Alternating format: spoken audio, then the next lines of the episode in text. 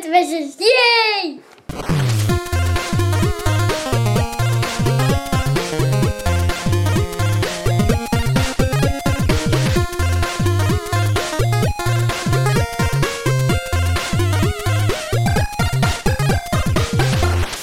Welkom bij Buttonbashers aflevering nummer 49. Een, eh, een zeer speciale aflevering.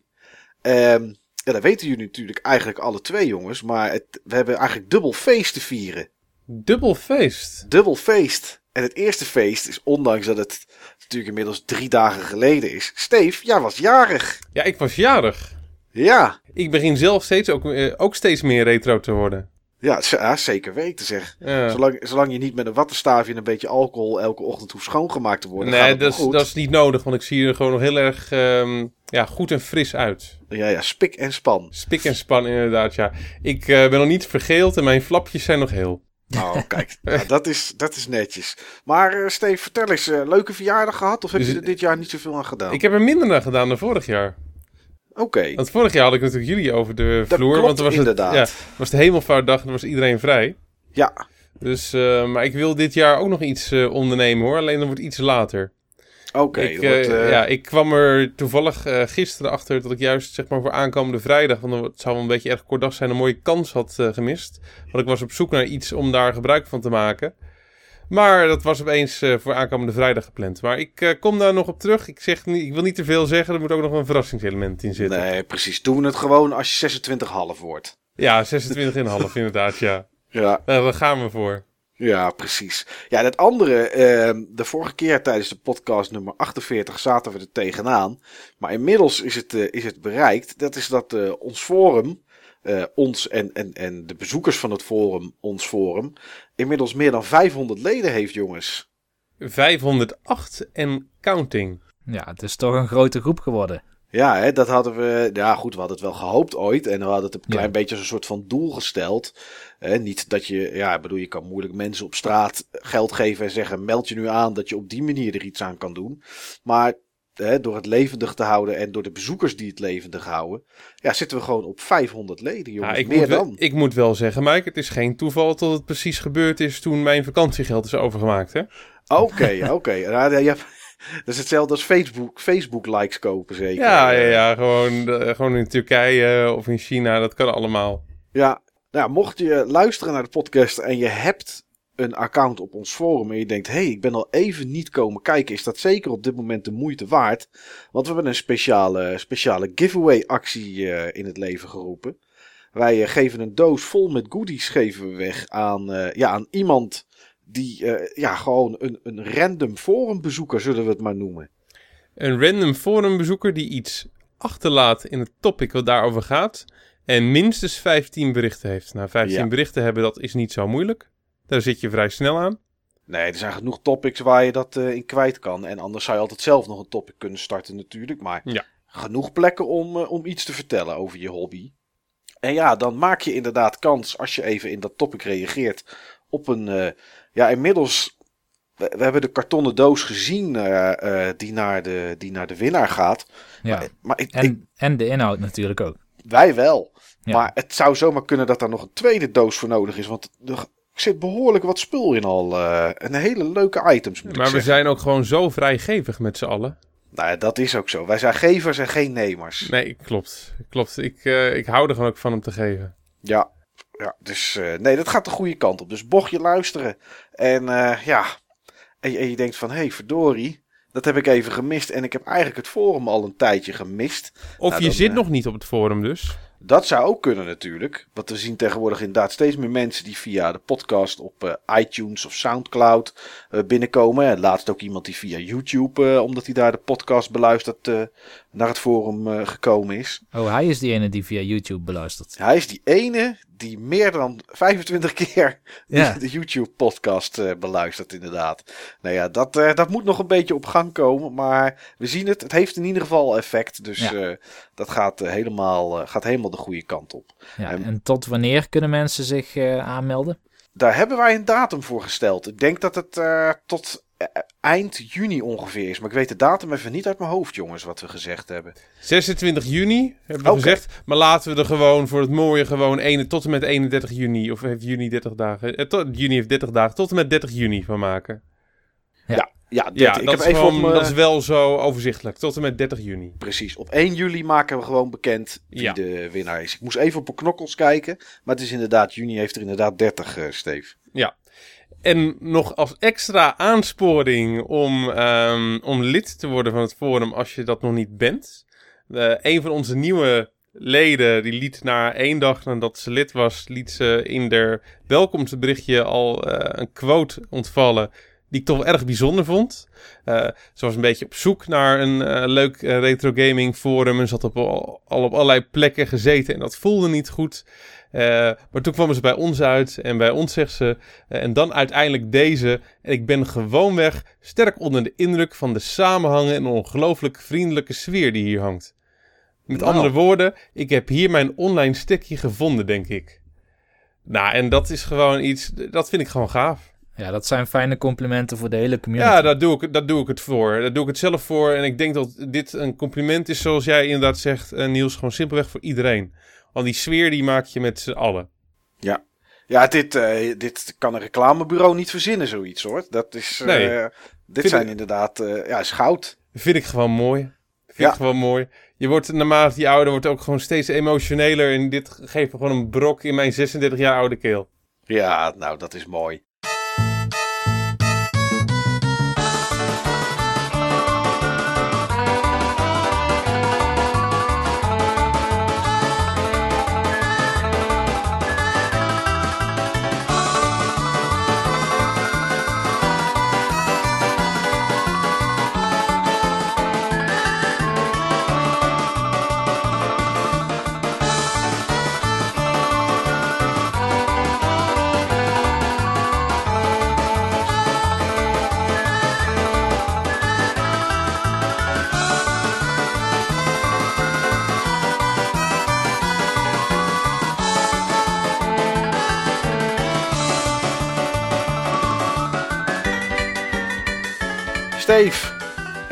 Elke keer een soort spoiler voor mij als ik vraag wat je hebt gespeeld.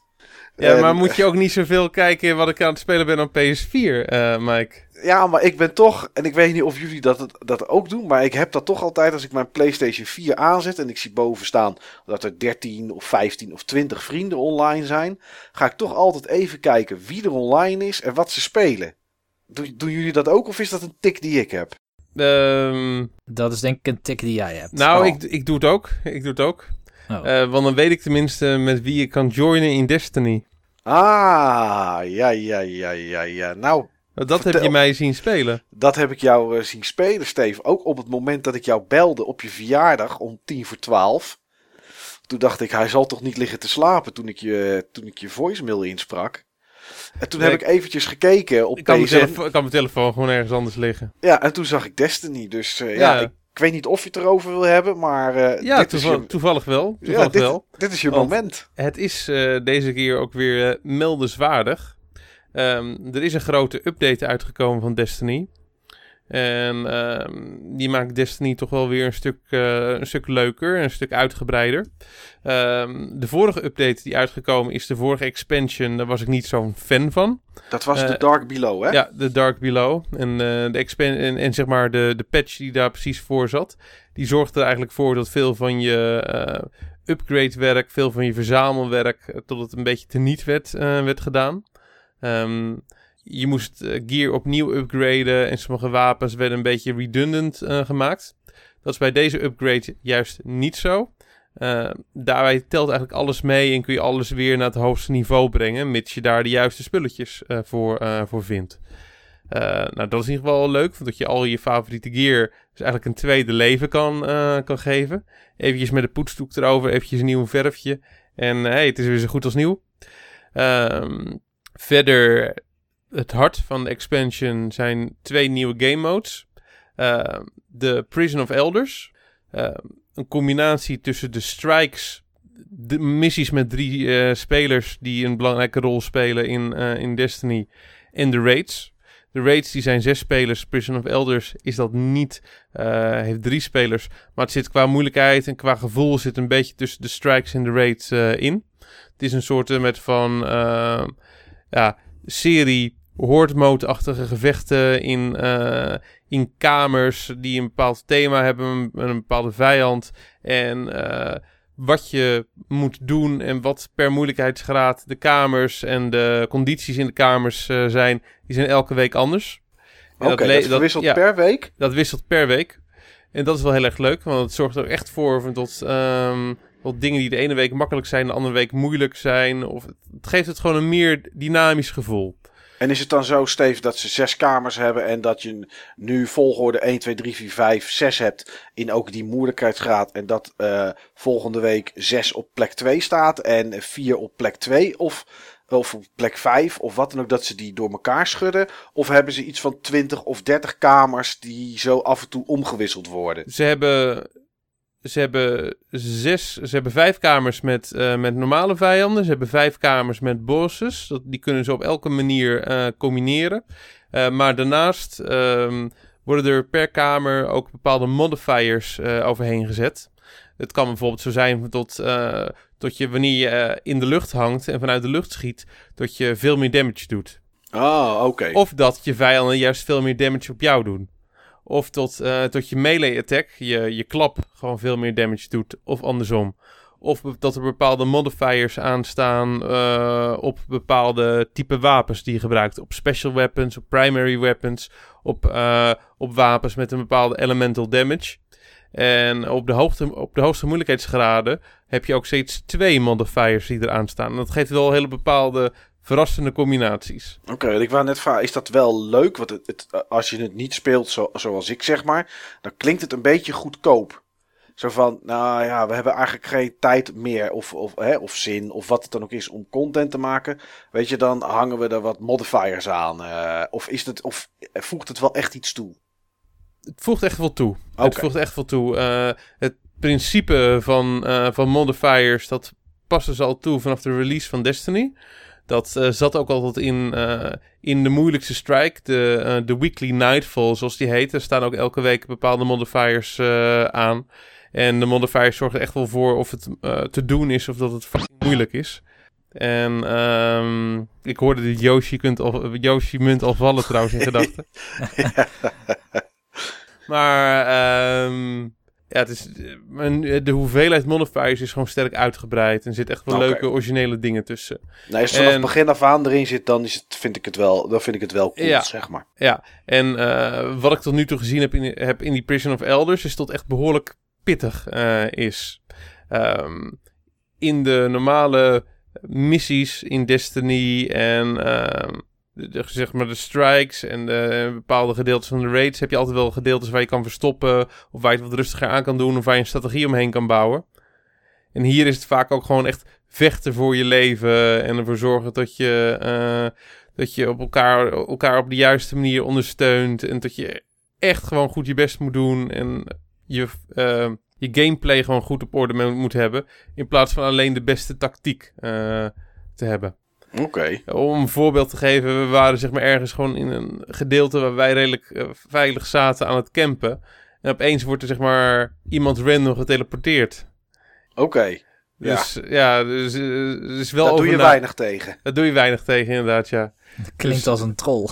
Ja, dus. eh, maar ik, eh, wat ik ervan gespeeld heb, vind ik tot nu toe leuk. De, de extra missies die ze toegevoegd hebben, die gingen allemaal wel redelijk snel voorbij, maar minder snel voorbij dan de vorige eh, set extra missies. En ik vond ze ook wat leuker. Dat is de, heb je het dan over de singleplayer story, zeg maar? Nou, alles kun je sowieso met z'n drieën spelen, maar zeg maar echt de missies. Gewoon zeg maar de, een beetje de opbouw naar die Prison of Elders toe. Ja, ik hoorde dat je in een uurtje of drie, vier daardoor wel doorheen was, ongeveer, zoiets. Ja, ja, zoiets ongeveer, ja. Ja. En wat is dat, Steven? Want ik heb er eh, wat, wat, wat mensen over horen praten. Jij hebt het inmiddels gespeeld. Wat is dat met die sleutels? Oh, die sleutels, dat is, eh, dat is geweldig. Dat is iets wat ze gereleased hadden ehm, voor, eh, voor, de voor het uitbrengen van de expansion al. Als Ja. een soort met verrassing. Ehm, je moet bepaalde bounties doen voor een figuur in het, eh, spel. eh, waarbij er op, ehm, op bepaalde plaatsen die ook aangegeven zijn in de bounty, ehm, op random momenten eh, aliens kunnen komen met een ruimteschip. En, dat, en komen ook dan allemaal waves eh, vijanden uit en eh, een soort van mini-boss uiteindelijk. En die kunnen best wel sterk zijn. Als je in je eentje bent, dan heb je het echt, heel erg moeilijk. Ben je met, een klein groepje, heb je het ook moeilijk. Ben je met een grote groep, ben je met, eh, uiteindelijk met zes mensen. Dat is de max eh, die je tegen kan komen in een bepaald eh, gebied. Nou, dan is het niet moeilijk. Maar als je die bos verslagen hebt, dan komt er ergens in dat gebied een kistje. Een random, een random loot kistje. Er kunnen best wel goede dingen in zitten. Onder andere sleutels die je ook nodig hebt om de grote schatkist aan het eind van de Prison of Elders open te maken. Anders kun je, als je, als je geen sleutel hebt, kun je alleen de kleine schatkistjes openmaken. En ehm, ja, je moet dus racen naar dat kistje en eh, ja, vervolgens dat kistje openmaken. Ja, daar heb je iets van 90 seconden voor of zo. En is daarna het kistje An- ja, weg? Of- anderhalve minuut. Daarna is die weg. Oké. En als je, mm, als je hem heel vroeg vindt en hij staat een beetje gunstig, dan kun je het gebied uitrijden en weer inrijden. En dan kun je hem nog één of eh, twee keer pakken. Oké, oké. Dus hij is in die 90 seconden is die, eh, is die elke keer lootbaar, zeg maar. Ja. Als je... Ja, waarschijnlijk is dat een bug, maar op dit moment maakt iedereen daar gretig gebruik van. ja, dat zal inderdaad wel snel opgelost worden in de volgende patch. Ja, en waarschijnlijk is er ook nog wel iets te verwachten rond de Trials of Osiris. Het tweede gedeelte wat, eh, wat in die expansion zat. Dat is een nieuwe PvP-mode die alleen in het weekend speelbaar is. Vrijdag tot en met maandag. Oké. Ehm, dat is 3 tegen 3. Waarbij de kracht van je wapens en eh, de defense rating van je armor uitmaakt. Bij de normale PvP-mode is dat niet, wordt alles geleveld. En hierbij heb je dus zeg maar een wapen wat sterker is, dan is het ook echt sterker. Eh, heb je meer armor, dan heb je ook meer armor. En met name is je vijand gewoon minder krachtig, dan zijn ze gewoon echt Sjaak. Ehm, dat heb ik dus gespeeld. En we werden steeds gematcht met mensen van 34, terwijl wij allemaal level 32 nog waren. De max van de vorige expansion. Ja. En veel van mijn, een paar van mijn vrienden met wie ik dat speelde, die hadden ook nog niet echt superwapens. Nou, dan word je gewoon echt aan alle kanten geoond.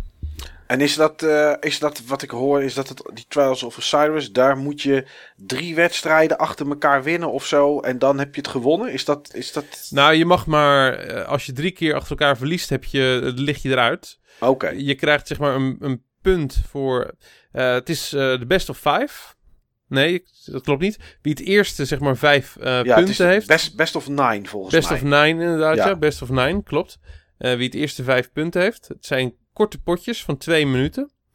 Ehm, en je, in die twee minuten moet je het andere team wipen.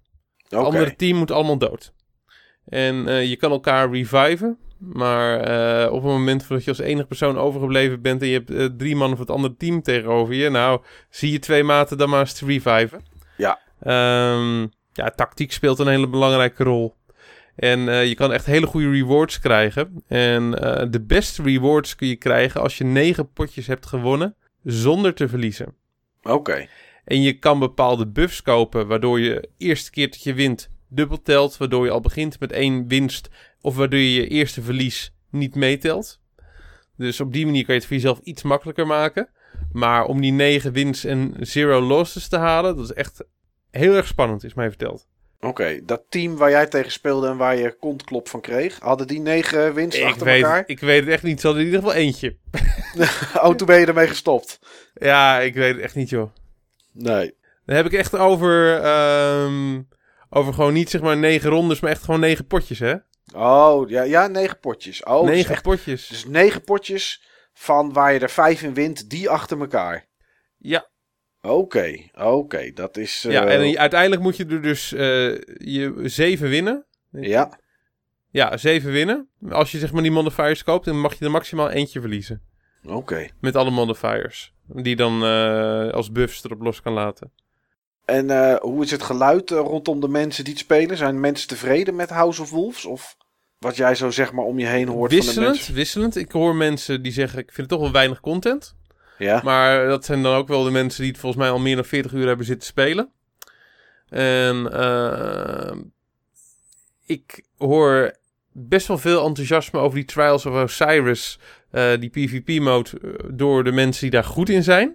Ja, Ehm, ja, Ja. ja. ik vind juist de Prison of Elders weer heel erg leuk. Oké. dus er zit eigenlijk voor alle twee de groepen wel iets in als ik Ja. het zo hoor. Ja, wat ik wel mis is echt een raid. Dat gewoon zeg maar met zes spelers dingen doen heeft toch wel iets magisch. Ehm, dat doen we nog steeds, maar dan die oude raids. Ik heb nu ook gewoon weer een groepje mensen met wie ik speel, met wie, eh, voor wie Destiny nog redelijk nieuw is en die oude raids nog niet echt veel gedaan hebben. Maar ehm, ja, dat, dat vind ik toch anders. Er komt meer tactiek bij kijken, meer teamwork. eh, ja, het is gewoon anders. Ja, wel elke keer hetzelfde. Ja, ja. Maar- Maar, ik, vind, ik vind het ook leuk hoor. Ik vind juist, eh, voor, voor mij is het ook wel een stuk ehm, verdieping in de game. Dat er nu echt een ander soort mode in is. Ook met een ander soort limiet. Het is net even wat laagdrempeliger. Een team van drie personen heb je ook zo bij elkaar. Een team van zes personen moet je toch je best voor doen. Oké, nou ben benieuwd eh, Steve de volgende keer eh, of je nog steeds enthousiast bent over House of Wolves. Of dat je Destiny eh, aan de kant hebt gelegd voor een andere game inmiddels. Dat, eh, dat zou zomaar kunnen. Maar ik denk dat ik het nog wel in ieder geval... Ja, je bent ook gewoon gebonden aan je maten die het spelen. Hè? En zolang eh, de gasten met wie ik nu aan het spelen ben... ook aan het spelen zijn, zie ik mezelf niet zo snel stoppen. Nee, als het in ieder geval maar is- een beetje gezellig is, dan dat helpt Ja. al een heel stuk mee natuurlijk. Dat heeft er echt voor gezorgd dat ik elke keer weer opnieuw die game in word gezogen. De andere mensen. Oké, Eigenlijk is het precies hetzelfde wat ik heb met eh, de retro gaming community en het forum. Ja, ik vind het gewoon leuk. Ik vind het gewoon leuk om dat te delen. oké. Nog iets anders eh, benoemenswaardigs wat je gespeeld hebt? Ja, twee dingen. Eén, ehm, één retro game en één eh, ja, nieuwe game. Of beter gezegd, een nieuw gedeelte van een nieuwe game. Oké. De nieuwe episode van Game of Thrones was uit. Oh, episode 4 zeg ik hè? Ja. En eh, vond ik heel erg leuk, vond ik heel erg gaaf. Eh, je merkt dat het verhaal verder begint te komen. ehm, er zat ook wat meer beweging in, maar daar ga ik wat meer. Waarschijnlijk ga ik nog bepaalde delen van deze game uitlichten in ons hoofdonderwerp, want dan leent het zich goed voor. Ja. Maar ik vond het echt een hele goede episode. En wat ik verder eh, gespeeld heb, dat was in Maastricht bij, bij Tom. Onze eigen mod Tom. Was ik op Ja, jij bezoek. bent al langs geweest. Daar ben ik langs geweest. Gezellig. Ja, was erg leuk. Dus, eh, Had je je vaccinaties van tevoren opgehaald? eh, nee, dat ben ik vergeten. En eh, ja, ik moet ook zeggen, ik werd ook steeds, steeds luier in de bek daarna, de eerste paar dagen. Dus, ja, ja, het is wel Maastricht natuurlijk. Ja, ja. Dus, eh, maar nee, het was echt heel gezellig. En ik had ook niks anders verwacht. Eh, Ging jou ook, jou ook imiteren als je er was? Ja, net ik, heb, zoals... ik eh, heb hem wel geprobeerd te imiteren. Nou, nou niet zozeer hem, maar eh, gewoon het Maastrichtse accent. Dat, heel, Ja. dat had hij me ook wel eens eerder geleerd. Dus, eh, Het is gewoon Duits, hè? een soort van. Ja, Als je het erin wil horen, kan je het erin horen. Maar ja, dat, eh, het is een soort met van melting pot van alles wat een beetje in die contraien zit, inderdaad, ja. ja. Maar over melting pots eh, gesproken, we hebben ook gespeeld met en op een melting pot. Toms Retron 5. Oh, hij heeft een Retron 5. Ja. Oké. Ja, en dat vind ik toch wel een heel mooi apparaat. En dat wou ik ook specifiek eventjes uitlichten in deze, eh, in deze podcast. Ik heb er expres ook nog niks over gezegd op het forum. Ik was wel onder de indruk. En dan op technologisch vlak dat het het allemaal doet en dat het het goed doet? Of...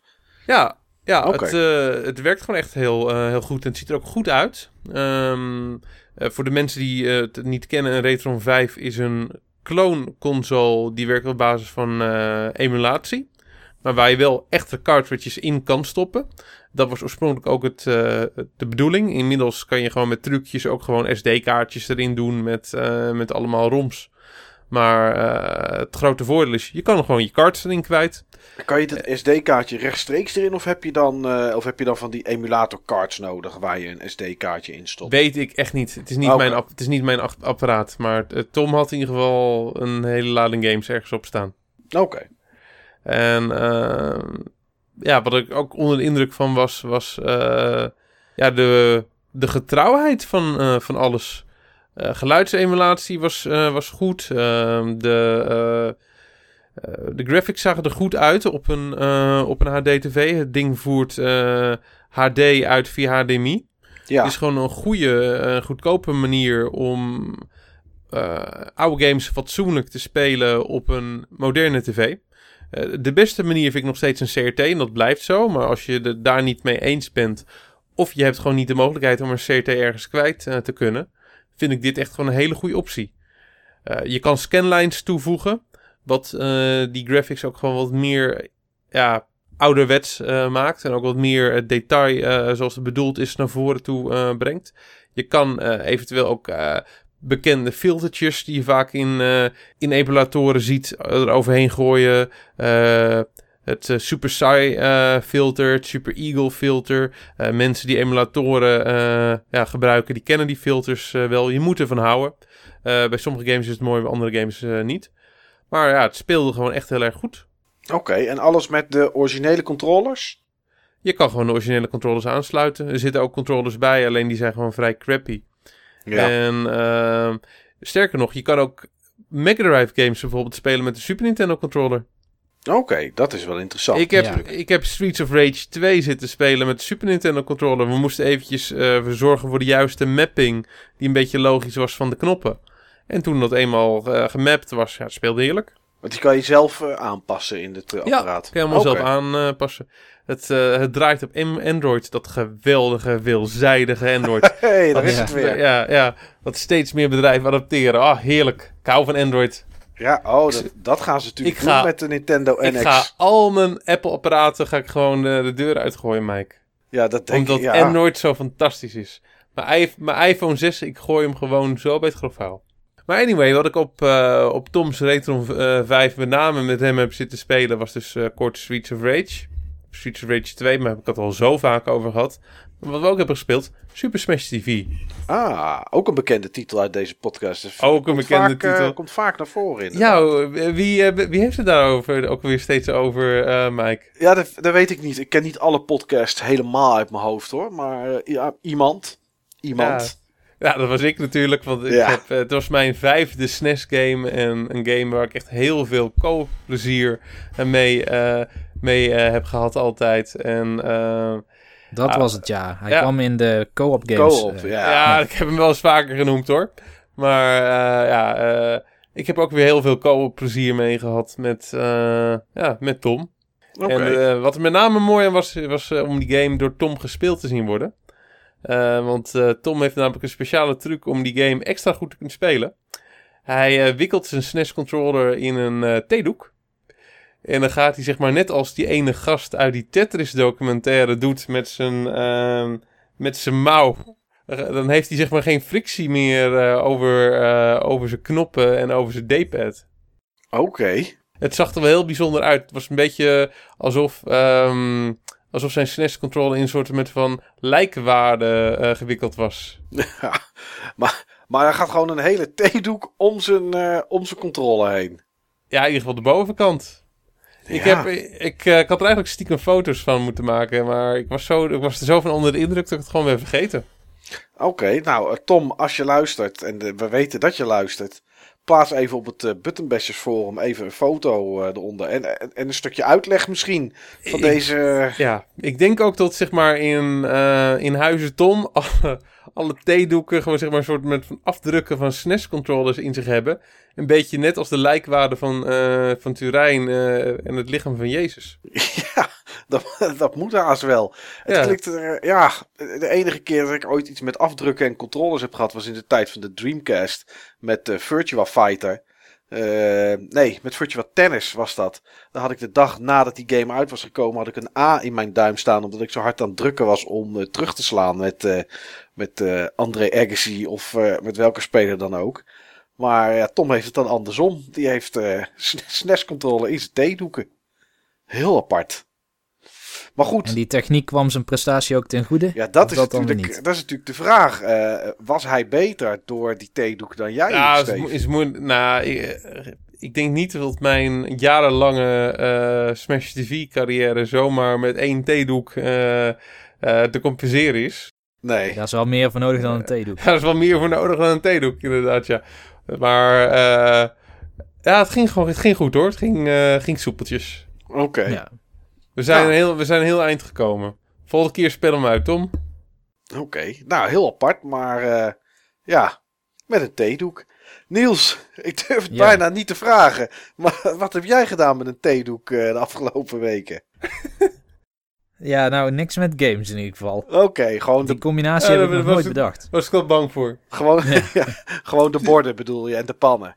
Ja, en ja, de lepels. Ja, ja. Vooral de lepels. Eerst de lepels, hè. Daarna wat anders dan... eh, nou ja, goed. Glimt het niet zo. Maar eh, wat heb je gespeeld, eh, Niels? Nou, ik haak nog even bij Steve aan bij het retro gebeuren dan. Oh, dat is altijd goed. Ehm Nesrunner was weer een keer bij me langsgekomen op zondag. En toen hebben we allerlei Mega Drive games zitten doen, maar daar ga ik niet over hebben. Want we deden ook een NES game. En dat was de eerste keer dat ik die heb uitgespeeld. En dat was Turtles 3 Manhattan Project. Oké. Ik heb vroeger alleen Turtles 2 gespeeld. Turtles 2 Arcade op de NES. En Turtles in Time voor de Super Nintendo. Turtles 3 kwam namelijk nooit in Europa uit. Dus eh, ja, dat is een NTSC-only title. Maar gek genoeg is dat toch wel een game die je eigenlijk niet mag missen als Turtles-fan. Want hij zit precies tussen Turtles 2, eh, of ja, tussen Turtles 2 en Turtles in Time in. Qua wat het biedt. Het is echt een stopgap game. Want wat biedt het dan, eh, Niels? Nou, als je, als je terugdenkt aan Turtles 2, dan had je iets van vier of vijf verschillende Foot Clan. Je had die, die normale, eh, je had die witte met die zwaarden. En je had hem met hamers en je had hem die konden schieten of zo. Volgens mij was dat alles. Ehm, en in Turtles in Time, daar had je ook Foot Clan en die konden allerlei bommen of zo gooien of zware objecten. En die enemies, die zitten ook al in Turtles 3. Het is net alsof ze geprobeerd hebben Turtles in Time te porten naar de NES en toen toch maar een andere game ervan hebben gemaakt. Is die later uitgekomen? Nee, daarom is het net alsof. Oké. Nee, het is uit 1991, dus het is nog voor de SNES. Maar eh, ja, ten opzichte van Turtles 2 heb je gewoon veel langere levels. Eh, veel meer soorten vijanden ook. En volgens mij duurt het spel ook wel wat langer dan Turtles 2. Maar ja, er is een reden dat het niet naar Europa is gekomen ooit. En dat zullen wij natuurlijk waarschijnlijk niet, niet weten. Of jij moet het wel weten, Niels of Steve. Nee. Maar hoe was de kwaliteit van de game? Eh, was het wel voldoende om het, om het zo ver uit te spelen? Oh, absoluut. Eh, ik, ik denk dat als ik Turtles 3 vroeger had gehad, samen met Turtles 2, dat het deel 3 mijn favoriet geweest zou zijn. Er zit toch echt veel meer variatie in, eh, veel interessantere levels ook dan in Turtles 2. Oké. Nou ja, dat is dan in ieder geval wel, wel goed dat je, het, dat je het gespe- gespeeld hebt. Heb je het op een Amerikaanse NES gespeeld? Of heb je het op een, gem- een gemodificeerde PAL gespeeld? Ja, dat laatste. Ah, ik heb geen eh, Amerikaanse SNES. Ik vind het ook niet zo de moeite waard om het voor die vijf NTSC-games die ik heb, die prima op PAL draaien, om daarvoor zo'n ding aan te schaffen. Nee, precies. Ik was, ik was inderdaad benieuwd of het eh, net zo goed draaide op je PAL eh, NES als, eh, als op een NTSC. Maar blijkbaar wel. Ja, Oké. Maar goed, echt een aanrader dus. En verder heb ik gespeeld. eh, ik heb het de vorige podcast er volgens mij ook over gehad. Of misschien niet de vorige, maar die daarvoor. Danganronpa, Trigger Happy Havoc. Oh ja. Met, Ook wel het spel met de beer. Ja. Het spel met de beer, inderdaad. Ja, zo hebben Eh, wij die gebombardeerd toen inderdaad. Ik weet nog iets met een eiland en een high school. En de beer was de directeur. Dat weet ik ongeveer nog. En gingen mensen zomaar dood en er waren Oh, ja. allemaal moordmysteries. En eh, ja, de, de beer klonk niet heel vriendelijk in ieder geval. Toen heb ik het alleen gehad over het verhaal. Want het was ook praktisch het enige wat ik aan die game kon zien. Ja. Ehm, volgens mij had ik nog geen trial gehad op dat Nee, moment. nee, klopt. Je had er wel iets van anderhalf uur in zitten of zo. Maar je had nog eigenlijk Ja. niks kunnen gamen. Nee, want het is inderdaad raar, want de game is super herhalend. Dus elke keer begint een nieuwe dag. Eh, of ja, eigenlijk een nieuw chapter zou je kunnen zeggen, een nieuw chapter. En zo'n chapter beslaat vijf dagen, vijf of zes. En de eerste drie of vier dagen heb je eigenlijk niks te doen. Oh, Je loopt wat rond in die school te zoeken. Die school ga je ook heel goed kennen, want je loopt honderden keren door dezelfde gangen heen op een gegeven moment. En met een beetje geluk kom je een karakter tegen. Nou, daar kun je dan mee praten. Maar ja, mee praten, dat is niet precies wat er gebeurt. Je kan, eh, je kan er inderdaad mee praten, dan, eh dan veet het scherm uit, dan veet het weer in. En dan staat er dat je ermee hebt gepraat. oh je ziet geen conversatie. Nee, je ziet de conversatie zelf niet. Ja, je krijgt een, een hele korte toevoeging meestal. Je krijgt er iets te zien, maar niet de conversatie. Oh, En vervolgens eh, krijg je misschien een skill. Nou, de enige reden waarom je dit doet, is omdat jij dossiers hebt van alle karakters in het spel. Ik geloof dat er 15 of 16 zijn. En dat zijn allemaal eh, mensen die eigenlijk ook iemand moeten vermoorden om uit die school te kunnen komen. Maar als je drie of vier dagen rondloopt in een school zonder iets te kunnen of zonder iets te doen, dat er zeg maar eigenlijk weinig gebeurt, behalve dat je conversaties hebt die je niet ziet. Eh, wat is dan de trigger om het van dag 1 naar dag 2 te laten gaan? Is dat tijd of moet je een of andere actie uitvoeren? Eh, je mag drie mensen per dag spreken. En dan is het automatisch de volgende dag. zo van een strenge school zeg. Ja. Eh, dat heeft de beer goed onder controle. Ja, maar nou komt dus eigenlijk een van de zwakste onderdelen van het spel. En dat is de gameplay zelf. Oh, En dat zijn die trials. En eh, nou, waarom speelde ik dit überhaupt door? Misschien moet ik daarmee beginnen, want het was al niet zo ja, blitz, het spel, toen ik het vorige keer uitlegde. ja, waarschijnlijk omdat je er geld aan hebt uitgegeven. Dat, en het staat heel vaak in een top 5 van Vita games. Hmm. Dus er zijn ontzettend veel mensen. Er zijn ook echt ontzettend veel mensen, want ik las laatst dat het spel 200.000 keer verkocht heeft in eh, Amerika, geloof ik alleen al. Oké. Dat is voor Vita begrippen heel veel. Ik zag het Nee, van de week. heeft volgens mij iedereen met een Vita daar dat spel gekocht, toch? En misschien, veel mensen. Ja. Misschien was het een actie dat je hem ergens bij kreeg. Maar ik moet zeggen dat van de week zag ik iemand in. eh, omdat ik natuurlijk wel altijd als ik mijn PlayStation aankijk, eh, aanzet. Kijk wie er online is en wat ze spelen. Zag ik nog iemand anders die het ook eh Danganronpa 2 aan het spelen was. Dan gaan we op twee. Oké, ja, ik speelde één. Oh, dat is één. Oké, hij was eh twee. hè. Ik weet niet wat de subtitel is van één. Trigger Happy Havoc. Oh ja, ja. En ik En weet bij niet. twee is het volgens mij Goodbye Despair. Oh ja, dat zag ik inderdaad voorbij komen. Ja, die was dat aan het spelen. Dat klopt. Ja, Dus het is Nou. toch bekender dan. Ik bedoel, ik zie net zoveel mensen Danganronpa spelen in mijn lijst. als dat ik mensen Destiny zie spelen. ja nou, ja, dat is apart. Maar ehm ja, Danganronpa is echt een style over substance game. En mensen die dus veel van stijl houden, Ja, die het wat minder erg vinden dat er verder weinig game aan zit, die zullen zich daar best wel mee vermaken. Want ja, kijk, het draait uiteindelijk om die cases, om de rechtszaken. Als jij een moord hebt gepleegd, of niet jij, maar een karakter, als een karakter een ander karakter heeft vermoord, en die komt daarmee weg, dus je kan niet uitvinden dat dat de dader was, dan, eh, dan verlies je het spel. Dat is het idee. Dus uiteindelijk zit je elke keer in een trial. Ik geloof dat er vijf of zes chapters zijn. En je hebt aan het eind een trial. En dat is een klein beetje zoals in Phoenix Wright. Ja, de Ace Attorney series. De Ace Attorney serie. Alleen ze hebben dan één grote fout gemaakt. In mijn mening in ieder geval. Eh, kijk, Phoenix Wright. Het reconstrueren van zo'n case gebeurt puur in je hoofd. En je probeert die, eh, ja, de, de getuigen. ehm, probeer je, ja, de- de- je probeert de gaten in een verhaal te vinden. Of waar een stuk bewijs de getuige tegenspreekt. Ja.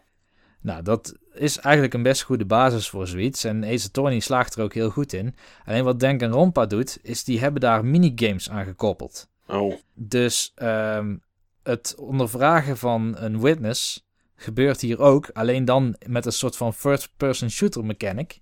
Waarin de tekst wordt uitgesproken door de mensen en jij moet daar dan op schieten. op die Met tekst. de cursor. Op de tekst. Nou ja, als je dacht dat het met die beer vreemd werd, dan is dit al. Ja, en dat wordt ook iets moeilijker eh, later, eh, afhankelijk van hoe moeilijk het spel, eh, hoe, je, hoe het hebt ingesteld. Maar ja, op een gegeven moment dan gaan er ook dingen in de weg vliegen en zo. Dus het wordt gewoon frustrerend, omdat jij gewoon weet wat je wil zeggen. Alleen je schiet mis. Want de cursor zwabbert ook nog eens expres. Daar kun je skill voor vinden om, om de cursor minder te laten zwabberen. Het klinkt steeds minder aantrekkelijk, moet ik zeggen. Ik Ja, het klinkt echt als een topgame in de making. Ik eh, moet hem gewoon hebben. Als ik weet wat ik wil zeggen, dan moet ik dat ik toch ga gewoon mijn. Destiny-verslaving hiervoor opgeven. Om deze game voor te elke avond twee uur te spelen voor het slapen gaan. Ja, nou, ik moet wel één ding zeggen. Ik heb me er uitstekend mee vermaakt. Want ik had hem uitgespeeld omdat ik dacht dat we vorige week woensdag op zouden nemen. Heb ik expres dat weekend heel hard doorgespeeld om hem uitgespeeld te hebben. Arme Niels. En eh, nou, ik heb me nooit verveeld. Oké, oké. Dus dat is goed. Maar gewoon het, de mismatch van waar de game over gaat. eh, die logica achter zo'n murder mystery. En die rare minigames. Want je hebt ook nog eens een, eh, een, een ritmespel. Wat helemaal nergens op slaat. Dus dan, dan, dan klinkt er een beat. En dan moet je op het ritme op X drukken. En dan zeggen ze iets. En dan moet je op dat moment op het driehoekje drukken. Maar als je zo'n minigame dus niet goed speelt, dan kan je dus het mysterie niet oplossen, ondanks, Precies. ondanks, Ondanks dat, dat je, je, weet, het weet. Dat Ja. is toch slecht? Dat is echt heel slecht. En wat nog slechter is, is dat er heel veel opgelost wordt door het karakter zelf. Oh, ook nog eens. Dus als jij, eh, want de- die minigames die loopen de hele tijd. Dus als bijvoorbeeld met het first-person shooter gebeuren. Als dat niet lukt, eh, als de tekst afgelopen is en ze gaan opnieuw die tekst afspelen. Dan zegt het hoofdkarakter soms bijna letterlijk wat de oplossing was. Nou, Dus ja, ik moet zeggen dat ik de trials bijna, ja, of ja die vond ik weinig interessant eerlijk gezegd. Ik Ja. vind Phoenix Wright een veel en veel en veel sterkere murder mystery game. dus drie tot vier dagen in-game loop je rond en er gebeurt er bijna niks. En dan zijn de trials en die vind je eigenlijk niet zo interessant. Dat klinkt echt als een precies, topgame. ja, er gebeurt, er gebeurt niks op gameplaygebied. Tuurlijk, er gaat iemand dood. Ja, er is iemand ach, vermoord. En dan, dan moet je clues gaan zoeken. Ja, zonder aanwijzing of zo. Dus je loopt weer doelloos door die hele scroll heen te zoeken of dat er ergens iets waar je op kan klikken dat dat iets nieuws doet. Het spel is echt een, eh een timesink. Echt een eh verkwanselaar van tijd. Zoiets heb ik bijna nog nooit gespeeld. Oké, nou, ik, eh, ik, ik weet dat het er ook voor Android is, Steve. Dus dat is, kan je het misschien daarop spelen. Op je, Oh, nieuwe, maar mooi, geweldig. Dat is precies wat ik nodig heb. op je nieuwe Android-tablet. Er zit er trouwens in de Vita ook niet iets van Android eh, verwerkt. Ik heb, Oh, dat zou best kunnen. ik heb geen flauw idee. Dat weet ik niet. het, eh, er zijn natuurlijk wel een soort van apps ook geweest om mee te navigeren en dat soort dingen. Dus is het misschien dat er wel eh, een onderdeel eh, iets in heeft gezeten, inderdaad. Nou, ja, Niels zou bijna zeggen, kan je het in, in vijf woorden aan me verkopen, maar dat gaat je nooit meer lukken. Deze niet, maar iets anders misschien wel. En dat is... Dat is eh, Splatoon. Ja, dat heb ik heel even gespeeld. Ik denk niet dat je het aan me kan verkopen, maar waarom denk je dat je het aan me kan verkopen? Eh, nou, ik was vrij sceptisch. Vorige E3 was het volgens mij dat ze het hebben aangekondigd. Ja, in die Treehouse eh, sessie van eh, 28 uur die ze toen hadden. Ja, niemand van ons noemde het om eh, naar uit te kijken aan het eind van het jaar. Nee. In de, de podcastaflevering die het overzicht 2014 had. En ik heb nooit het idee gehad dat ik het per se wilde spelen. Totdat die demo's kwamen, die testfires. Ik dacht van, nou ja, laat ik toch in ieder geval die testfire spelen. Dan weet ik of het iets voor me is. Nou, toen kon je twee uurtjes kon je dan spelen en dan was het weer op en dan de volgende dag weer of zo. Nou, het was drie keer een uur. Oh, drie keer een uur, oké. Ja. En eh, dat heeft geleid tot een pre-order. En die pre-order die overstijgt alle verwachtingen die ik ervan had. Oké. Eh, dit is voor mij serieus een kans hebben voor Game of the Year. Oké. Hmm. Dit is echt, echt een supergoede game. Ehm, het is eigenlijk een multiplayer game en hij wordt bestraft, of bestraft zou ik het niet per se noemen, maar hij wordt niet heel erg sterk beoordeeld, vooral doordat het heel weinig content heeft. Ja. Je hebt op dit moment vijf multiplayer stages en ehm, één modus maar. En die modus is een soort ja, territory control. Dus eh, het gaat hier niet om eh, headshots maken en zoveel mogelijk mensen killen. Het gaat hier om, eh, ja, je, ieder heeft een stel wapens en daarmee kun je het level verven. En uiteindelijk wint het team wat het grootste gedeelte van het level heeft geverfd. Ja. En je hebt een roller en daarmee kun je heel veel snel verven. Maar dat is weer heel moeilijk om je daarmee te weren tegen andere spelers van het andere team. En dan heb je wat meer, ja, soort super soaker die heel snel schiet. Hoe, ging, Dat, hoe eh, ging dat precies, Niels? Dat, dat ging. Oh ja, oké. Nee, dan, eh, dan heb ik het goed gehoord. Ik weet niet zeker of ik het trouwens nog goed gehoord heb. eh, oh, jij was, het- even, was even lastig. weg. Ja, ik was even weggelopen inderdaad. Ja, Ja, misschien moet ik het erin editen de volgende keer. Oh ja, maar hoe ging het? Voor, even voor Steve? Ja. Oké, Steve, komt-ie. Zorg dat je koptelefoon goed hard staat. Ja. Oké. Oké. Ja, ik zou kunnen zeggen dat ik juist mijn koptelefoon even afhaal om hem hard te kunnen zetten. Maar ik denk dat we genoeg misbruik van Niels hebben gemaakt. Oké. Nou, in ieder geval, wat ik super gaaf vind aan dit spel, is dat ehm, doordat eh, de score mechanic weg wordt gehaald van headshots maken, heb je dat iedereen eh, nuttig is voor het team. Dus ook mensen die wat minder skilled zijn of minder goed kunnen richten, zijn nog steeds erg nuttig. Want ze kunnen gewoon dingen van het level gaan schilderen. En dat is uiteindelijk waar het team mee wint. Dus dat vind ik heel erg goed. Ehm, het level design is eh, op allerlei manieren nuttig. Een van mijn favoriete first-person shooters ooit is Call of Duty 4. Ik denk dat ik Die die, was heel in- goed. Die was heel goed. multiplayer het meest gespeeld heb van alles wat ik heb gespeeld. Ik ben daar twee keer prestige geweest. En als ik nu dit zou afzetten tegenover Call of Duty 4, dan is dit veel slimmer ontworpen qua levels. Want een muur is tegelijk ook vaak een plateau. Want je kan overal tegenaan schilderen en dan kun je op die muur. Eh, dus je hebt heel veel hoogteverschillen. Ja, want je, Ja, kan, je en- kan je transformeren naar een soort van naar een inkling of zo. Ja. Naar een inktvis. En dan kan je door je eigen kleur verf heen. Om je verf weer op te laden. Maar ook om sneller weg te komen. Of om naar plekken te komen waar je eigenlijk niet bij kan, toch? Ja, precies. En dat gaat echt heel snel en heel vloeiend. Dus het is echt heel erg fijn om door die levels heen te springen als Inklin. Ehm, de levels zijn best wel klein. Ik denk dat je binnen 20 seconden van de ene naar de andere kant loopt. Maar daardoor, ehm, daardoor mis je ook nooit de actie.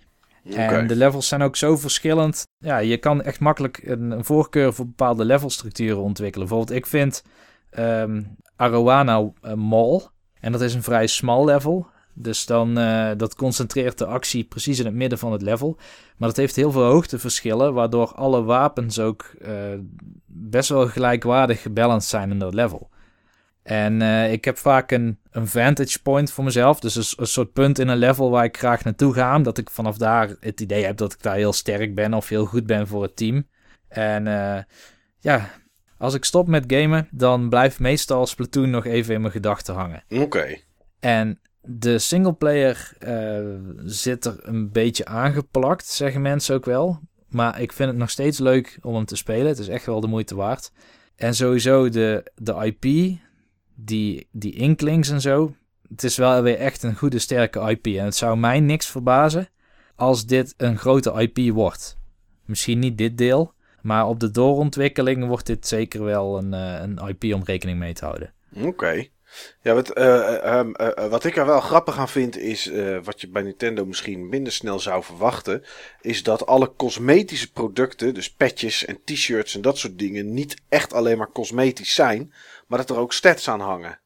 Ja, dat klopt, ja. En dat, ja, normaal zou je verwachten, ja, Nintendo, hè, kijk naar een Mario Kart, nou ja, een ander kleurjurkje of weet ik veel wat, doet niet zo heel veel, of doet eigenlijk niks. Maar in dit geval is het wel echt van invloed. Ja, ze, er zitten vaak substats en eh, normale stats aan. Dus soms heb je meerdere stats per petje of zo. Eh, maar dat kan zijn als dat je meer inkt in je container kan hebben. Want je kan niet oneindig inkt blijven spuiten. Op een gegeven moment dan is die container op. En dan moet je weer zo'n inkling worden en in jouw kleur inkt gaan zitten om het op te laden. Maar ja, je kan zo'n container groter maken. Of je kan eh, sneller lopen doordat je schoenen aantrekt. Waarmee je dus sneller met zo'n grote roller door het level heen kan. Ja, Dus ja, je, je kan heel erg goed jouw karakter op een bepaalde manier nudgen naar een speelstijl die jou goed ligt. Ja, ik ben benieuwd. Wat, wat er nu nog open gaat is als je level 10 bent, dan kan je straks, zodra die mode er is, kan je de Turf Wars kan je in. Ja, Eh, die is er volgens mij nog niet, die modus. Ik weet ook niet of er al level 10's eh, rondlopen in de game. ja, ja, ja. Er zijn genoeg level 10's. Ah, Oké, en eh, dat gaat open. En ze gaan in de toekomst. eh, er is, was een Nintendo Direct Micro geweest. Daar hadden we het van tevoren even over. En daar zagen we weer een nieuw level. En de Nintendo Zapper die toegevoegd wordt als, eh, als wapen. Dus ja ze, Ja. ze willen het wel levendig houden door elke keer nieuwe levels en nieuwe modus te introduceren. Ja, dat is een goede zaak. Nou, dat is, dat is de beste zaak. En, en dan niet als DLC, maar gewoon, gewoon, zover ik weet tot nu toe, gewoon echt als toevoeging op de game zonder daar extra geld voor te vragen. Ja, ik geloof dat ze tot augustus nog iets van... Ze willen tot een totaal van 14 multiplayer maps komen, dacht ik. Oké. Dus, eh, en, en allemaal gratis ook. Ja. Ja, maar kijk, 14 maps, eerlijk is eerlijk, je zou verwachten dat een shooter, en vooral zo'n online shooter, als je die voor bijna full price koopt, hij is 40 euro en oké, Call of Duty is 60 euro, maar goed, twee derde van de prijs, dat je die levels al wel hebt. Ja, inderdaad. gewoon een map of 10 en dan vijf maps erbij of zo. Maar eh, ik vind de verhouding, content waarmee ze beginnen en content waar ze naartoe werken, vind ik wel heel raar. Ja, Ja. ja, het is één mode en vijf maps is het tot nu toe maar. Ja, en een single player. Maar ja, goed, hè, de meeste mensen willen dit toch online spelen. Ja. Ik ben toch nog naar één ding benieuwd, eh, Niels. Eh, heb je er last van dat er geen echte direct, geen directe communicatie is tussen jou en de andere spelers? Dat is een goede vraag. Want er zit geen voice chat in. Je kan Nee. wel iets met gestures doen of zo, geloof ik. Of standaard teksten, maar... Ja. Eh, nou, dat is niet zozeer iets waar ik last van heb. De potjes duren maar drie minuten. Dus het zijn echt hele snelle potjes. Ehm, als jij afgaat, dan ben je binnen vijf seconden gerespawned. En je kan onmiddellijk eh, jumpen via je gamepad naar een speler die al ergens in het level is. Ja, je kan gelijk als je naar meteen naar het front wilt. Ja, precies. Dan klik je gewoon op de gamepad op die speler en daar springt jouw eh inktvis dan naartoe. Ehm, ik denk niet dat het heel erg de moeite waard zou zijn om eh, met elkaar te coördineren, want daarvoor is het spel te snel. Oké. Het beweegt ook heel snel. Eh, waarschijnlijk voordat je hebt gezegd waar iemand naartoe moet, dan is de situatie alweer helemaal anders. Maar wat ik wel jammer vind op dit moment, is dat jij niet, ehm, wanneer je afgaat, of misschien zelfs na een potje, van wapen of van eh, kleding kan wisselen. Daarvoor moet je echt offline. En eh, moet je in singleplayer modus dus je popje aanpassen en dan weer opnieuw online gaan. Oké, dan moet je naar de Dat single is heel erg omslachtig, vind ik dat. Dan moet je Ja, naar dat, Dat plein klinkt of niet handig. Nee. Dat klinkt niet aan. En je moet dan naar plein inderdaad. En wat ook raar is, maar dat is misschien een, eh, een experiment van Nintendo. Ik denk sowieso dat het kleine aantal levels dat er nu in zit ook een experiment is. Want ik denk dat het level wat we straks krijgen al op de CD staat, maar nog gewoon locked is. Ehm, maar wat ook een experiment is, is dat ehm, je niet kiest voor een level. Oké, het wordt gewoon door de server of wat dan ook, wordt dat gewoon toegewezen. Ja, ze doen dat heel apart, maar om de zoveel uur, dan kondigen twee Inklings een, eh, een set nieuwe levels aan. Dat zijn er nu twee en misschien worden het er straks drie wanneer, eh, wanneer er veel meer levels uit zijn. En dan ga je de komende uren dus alleen op die twee levels spelen. Oh ja, en ik hoorde dat het alleen die aankondiging, las ik eh, op, op- bij ons op de website van In The Game, had Benny het gespeeld en gereviewd. Dat het een beetje hinderlijk is, want het komt geloof ik dwars door je scherm heen of zo. Ja, elke keer als je het opstart, dan begint het ook daarmee. Van, van- op dit moment eh, zijn we deze en deze maps aan het spelen. Oké. Maar, maar goed. Dat vind ik dan is- wel een grappig principe eigenlijk. Want dit zorgt er wel voor dat je echt heel erg bekend bent met die map op dat moment. Ja, Je bouwt dan wel zo snel je kennis op. Ja, want als de map wisselt, dan, eh, en, of het zijn er dan twee, heb je gewoon twee uur lang maar twee maps. Ja. Toch? Ja, dat klopt. Ja. dat vind ik wel een grappig principe. Ik denk dat het best goed werkt op het moment dat ze op een groot aantal maps zitten. En dat dat inderdaad elke twee uur rouleert. En dat je Ja. dan twee of drie maps hebt. En dan, eh, nou ja, op het moment dat je ze goed door hebt en weet waar je moet zijn, ja, dan eh, krijg je nieuwe maps. Maar zo leer je ze wel beter. Ja, het lijkt mij echt wel leuk, maar het totale gebrek aan communicatie, dat spreekt mij gewoon echt totaal niet aan bij zo'n type spel. Nee, want ik zou eigenlijk wel verwachten, Steve, dat dit iets is wat jij op zou pikken, zeg maar. Ja, nu zeker met mijn, eh, met mijn Destiny fetish. Ja, Maar ja, de, de dingen die ik juist tof vind in Destiny, die, die hoor ik gewoon hier niet in. nee.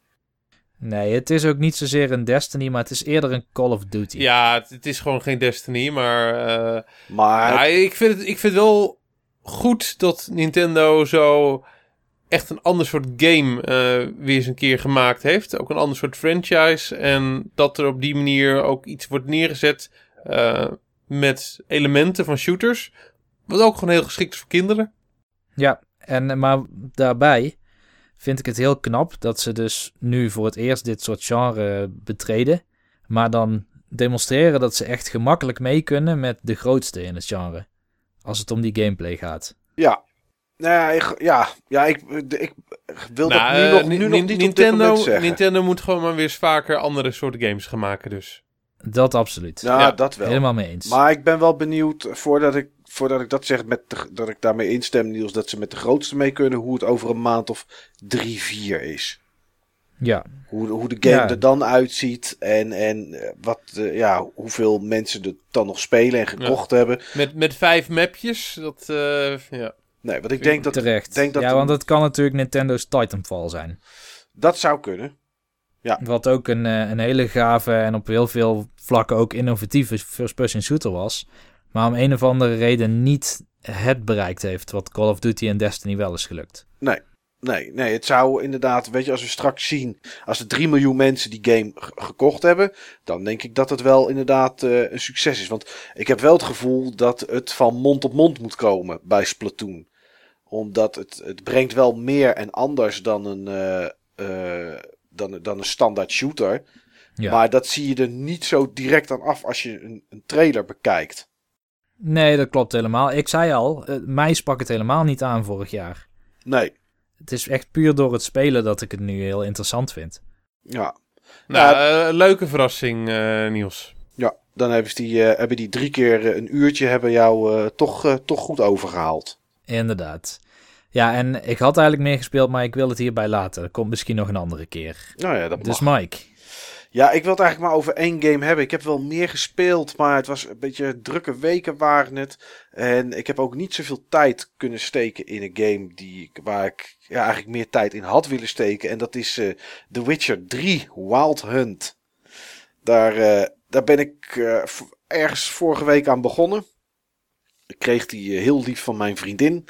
Die vond het wel de moeite om daar even voor, even voor naar een winkel te rijden en die game te halen. Ja, ik, eh, ik ben niet onder de indruk. Maar ik vind het wel een hele leuke, een hele leuke game om te spelen. Eh, de reden dat ik niet onder de indruk ben, is dat ik me toch behoorlijk kan storen aan technische oneffenheden. En ehm, ja, die zijn er gewoon veel te veel. Ehm, ik wil het nog niet zo heel erg hebben over het verhaal. Dat wilde ik eigenlijk voor, voor het hoofdonderwerp zo meteen eh, be- bewaren. Maar ja, technisch is er gewoon een, is er behoorlijk wat mis. En hetgeen waar ik me het meest aan stoor, is de besturing van, eh, van Gerald, eh, of Gerald, van de hoofdpersoon.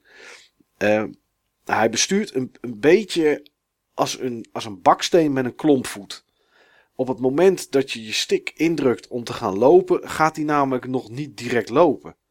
Daar zit een soort van, het is misschien maar heel kort, maar voor je gevoel zit daar een soort van vertraging in. En ehm, zijn draaicirkel is vrij groot. Met daarbij de camera die niet altijd even lekker meegaat. Ja, dan is dat, dat is enorm wennen. Als je bijvoorbeeld een, ehm, een, een, een, een kamer binnenkomt waar een aantal kisten liggen die je kan, kan looten. Waar je spulletjes uit op kan pakken. Want dat is er veel, Steve. Ik weet dat jij hem hebt. Maar als je het gaat spelen, er zijn enorm veel spulletjes. Oh, gelukkig. Ja, ehm, als je dan op een kist afloopt en je denkt zo, ik sta bij de kist en ik wil hem looten, dan is gewoon de optie om te looten is weg. En dan moet je dus omdraaien, met een vrij grote draaicirkel terugkomen en opnieuw op die kist aflopen, omdat ja, op een of andere manier de, de, de detectie dat jij bij dat ding staat, ja, die is dan is weg. Je moet er verder van afstaan dan dat je normaal zou doen of dan dat het lijkt. Dat, dat is iets wat heel irritant is. En dat heb je dus ook bijvoorbeeld met gevechten. Vrij in het begin, dan doe je een quest en dan krijg je een soort vuistgevecht met iemand in een huisje. En dat is gewoon heel klein. En dan ben je met die camera aan het draaien en dan zie je die, die, die gast zie je niet staan. Eh, of je ziet jezelf niet staan. En dat zijn dingen die me heel erg irriteren. Ehm, een ander ding is, ik speel tot de PlayStation 4, is de, ja, de framerate problemen die daar, eh, die daar zijn. Eh 95% van de tijd heb je daar geen last van. Maar ze zijn er wel. Eh, zeker in eh, ja, wat toch een RPG moet maken, zijn natuurlijk, is toch het verhaal en de cutscenes. En ja, in die cutscenes, daar zit gewoon heel veel stottering in en vertraging. Ik heb het gewoon echt letterlijk gehad dat ik twee gezichten in beeld had die gingen praten. En dat het beeld stil stond, maar dat de audio doorliep. Alsof je een soort slechte stream aan het kijken bent op internet. En dat je video nog even gebufferd moet worden of zo. Dat vind ik echt wel heel slecht. Voor zo'n grote game. Ja, Ja, het klinkt gewoon als een CD Projekt Red game.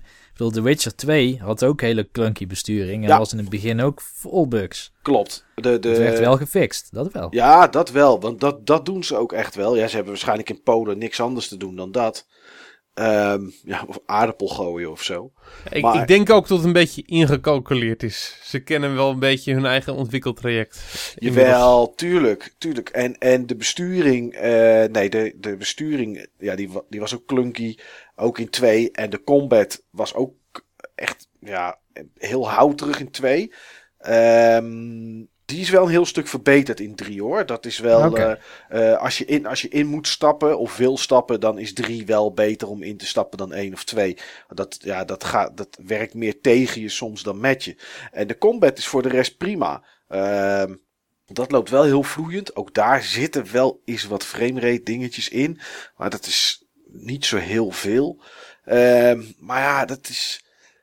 Weet je, dat is, dat is, dat, ja, dat vind ik gewoon zonde. Ik had hem eh, eh, net uh, in huis en toen stuurde ik jullie al even een, een screenshot waarbij ik gras, zeg maar, door mijn huisje heen had. En ja, dat vind ik gewoon zonde.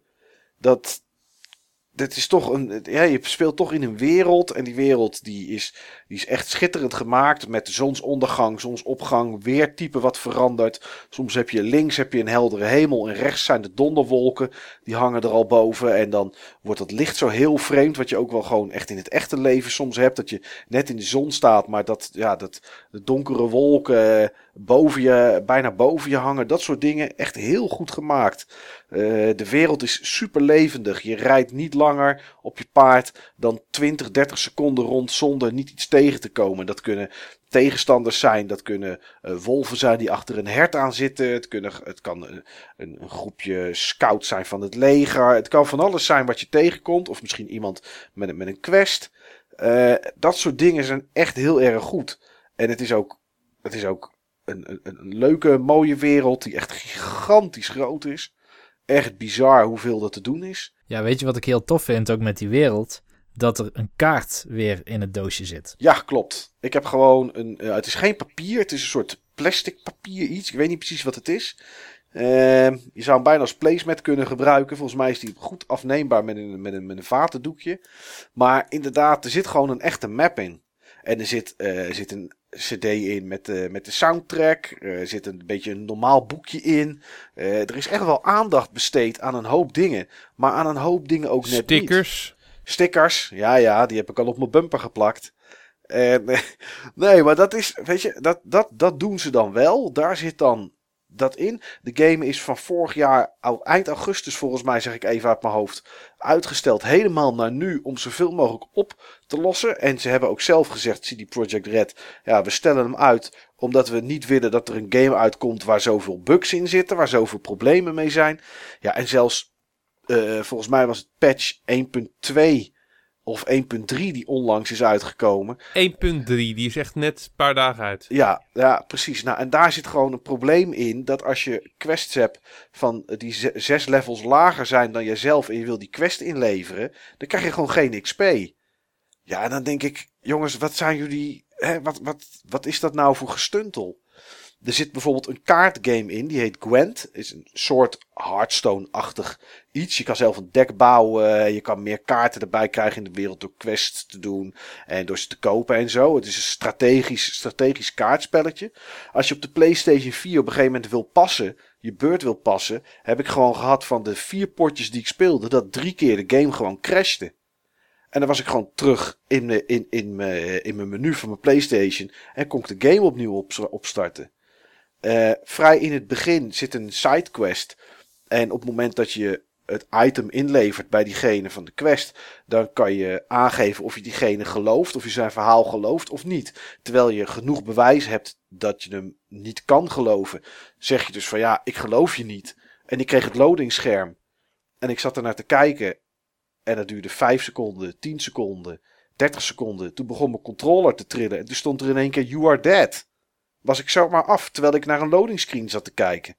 En ja, de tweede keer koos ik weer voor diezelfde optie. Van nou, je vertelt de waarheid niet. En toen heb ik vijf minuten naar een loading scherm zitten kijken. Toen heb ik de game maar uitgezet. Ik heb het nog een keer gedaan. En toen zat ik ook weer zo lang te kijken. Ja, toen heb ik maar besloten om dan voor de optie te kiezen dat ik die kerel wel geloofde. Terwijl dat niet de manier was waarop ik de game wil spelen. Want ik wil gewoon de optie kiezen die ik kan kiezen. Eh, of de optie kiezen waar ik me goed bij voelde. Ik denk van, hé, hey, dit is hoe ik vind dat het hoort te zijn. Ja, daar had ik gewoon geen mogelijkheid voor. Ja, het zijn dat soort, ja, klein, niet alles kan je klein noemen. De besturing en de, de hit detection, zeg maar. Of de, ja, dat je karakter weet dat hij ergens in de buurt staat van iets wat te looten is of niet. Ja, je loopt zo vaak op één plek heen en weer om ervoor te zorgen dat, dat je dan wel je tegenstanders kan looten. Of je, of je doosjes of, of wat je dan ook maar tegenkomt. Ja, dat werkt wel eens frustrerend. Maar toch, ondanks dat, ondanks eh, de pop-ups van textures als je met je paard door de wereld heen rijdt. eh, ondanks al die dingen is het wel gewoon een, een, een, een leuke game om te spelen. Dat wel. Maar er is Ja, wel... het, li- het lijkt me ook echt een super game, maar ik laat hem toch echt eventjes een paar maandjes liggen. Ja, ja patch 1.4 komt deze week. Tenminste op het moment dat we opnemen. Als het goed is uit voor de consoles. En 1.5 is al in de maak. Eh, ja, ik, ik denk 1.8 of 1.9 Steve. Dat je echt, eh, echt daarop moet wachten. Want tegen die tijd hoop ik dat het... eh, ik zeg niet dat het nu niet speelbaar is. Want eh, Jur, mod van onze forum, eh, Joker Jur, die heeft er inmiddels, zag ik vanavond staan, meer dan zes hele dagen al in zitten. Dus het is echt wel goed te spelen. Als in dagen van 24 uur? De dagen van 24 uur, ja. Ja, en, en eh, was hij aan het wachten op die eh, loading screen of zo? Ja, dat zou kunnen. Dat hij nog zo bij dezelfde quest zat als ik. Ja, en dat de gametijd doorloopt. Nee, dat zijn dagen echt van 24 uur. Hij telt gewoon echt je gametijd op. Dus ja, die heeft er, eh, ik weet niet, 6 keer 24, ik weet het niet. Hetzelfde als 12 keer 12, 144. Ehm, ja, dus die heeft er echt wel een hoop tijd in zitten al. En, want er zijn zoveel sidequests en dat soort dingen. En eh, ja, die, sidequests zijn ook echt heel goed. Zijn ook echt heel goed. Maar daar, daar wil ik nu op dit moment niks over zeggen. Totdat Niels een jingle ingestart heeft. En we naar het hoofd, eh, hoofdonderwerp gaan. En dat eh, gaat vandaag over verhalen in games.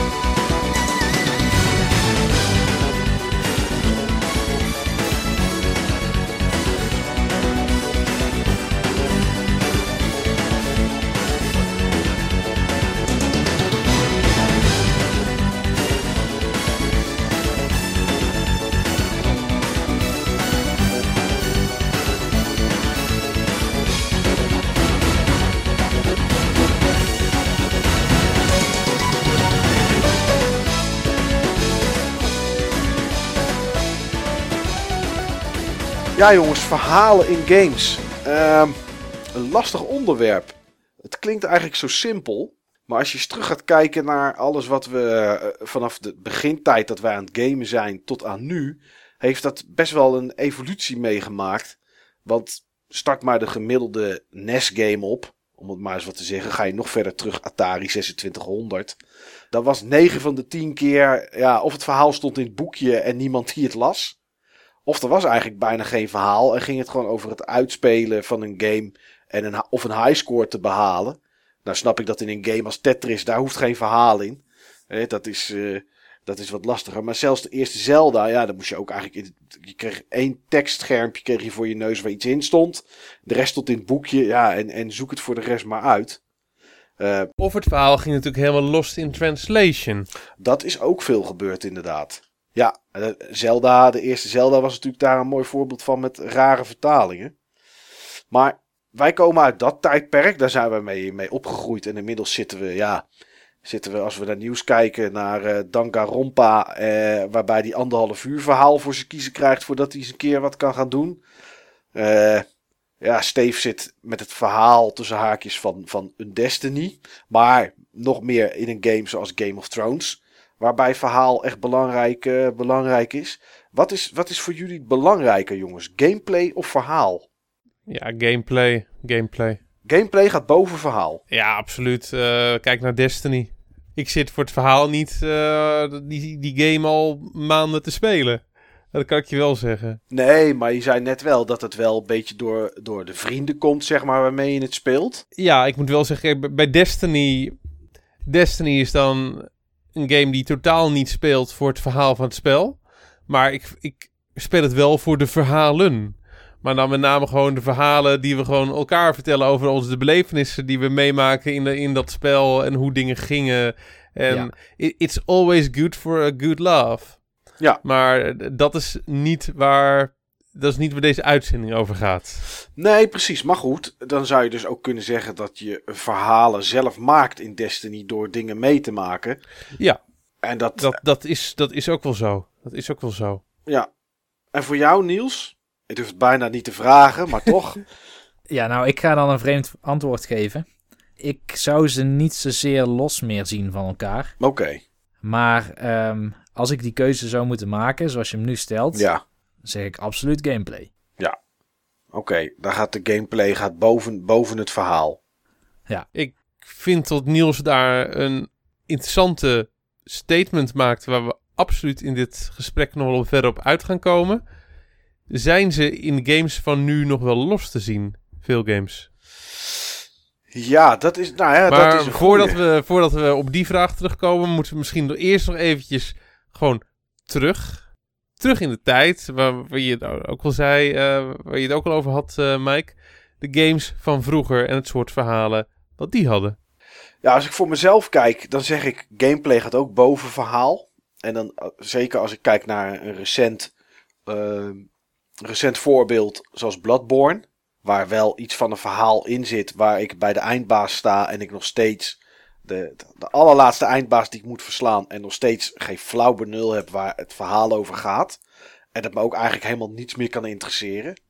Het, eh, het is best wel complex, Michael. Ja, ja, maar misschien ook weer zo. Maar het is waarschijnlijk complex gemaakt door mensen die denken dat ze weten hoe het in elkaar steekt. En niet vanuit een officieel standpunt. Ja, dat is ook wel zo. Er is geen officieel standpunt over Bloodborne, volgens mij. Nee. Dus wat dat betreft zeg ik ook, eh, zeg ik ook gameplay. Maar goed, Steve die zei het al. eh, ja, jongens, toen wij begonnen met gamen, toen hadden we geen verhalen zoals GTA, Skyrim. eh noem ze allemaal maar op. Fallout, The Witcher. Het, het was allemaal heel basis. Je begon, je had een poppetje, je had levens. Ja, en je ging gewoon iets kapot schieten of van links naar rechts lopen. Dat is iets wat we niet meer zien. Nee, en als er een game was die zeg maar juist het verhaal wat meer naar voren wou, eh, wou brengen, eh, dan viel dat direct heel erg op. Eh, ik weet nog Double Dragon 2 op de NES. de hoeveelheid cutscenes die erin zaten, de kwaliteit van, van de cutscenes, het soort dingen wat ze ook uitlichten. Ja, dat vond ik toen echt heel erg nieuw. Ja, Dat was een van de eerste NES-games waarin ik echt heel erg een, een verhaal ervaarde. Was dat ook iets dat je dacht van, dit is wel iets wat ik ook kan waarderen? Of Ja. vond je het maar irritant en probeerde je het door te Nee, drukken? nee, ik vond het echt super tof. Ik vond het echt super tof. Ja, Eh, ook gewoon de. Het, draag, het droeg ook heel erg bij aan, eh, aan de sfeer. En het zag er voor die tijd ook gewoon echt heel mooi uit. En eh, de muziek in die scènes was ook gewoon cool. En het duurde ook niet enorm lang.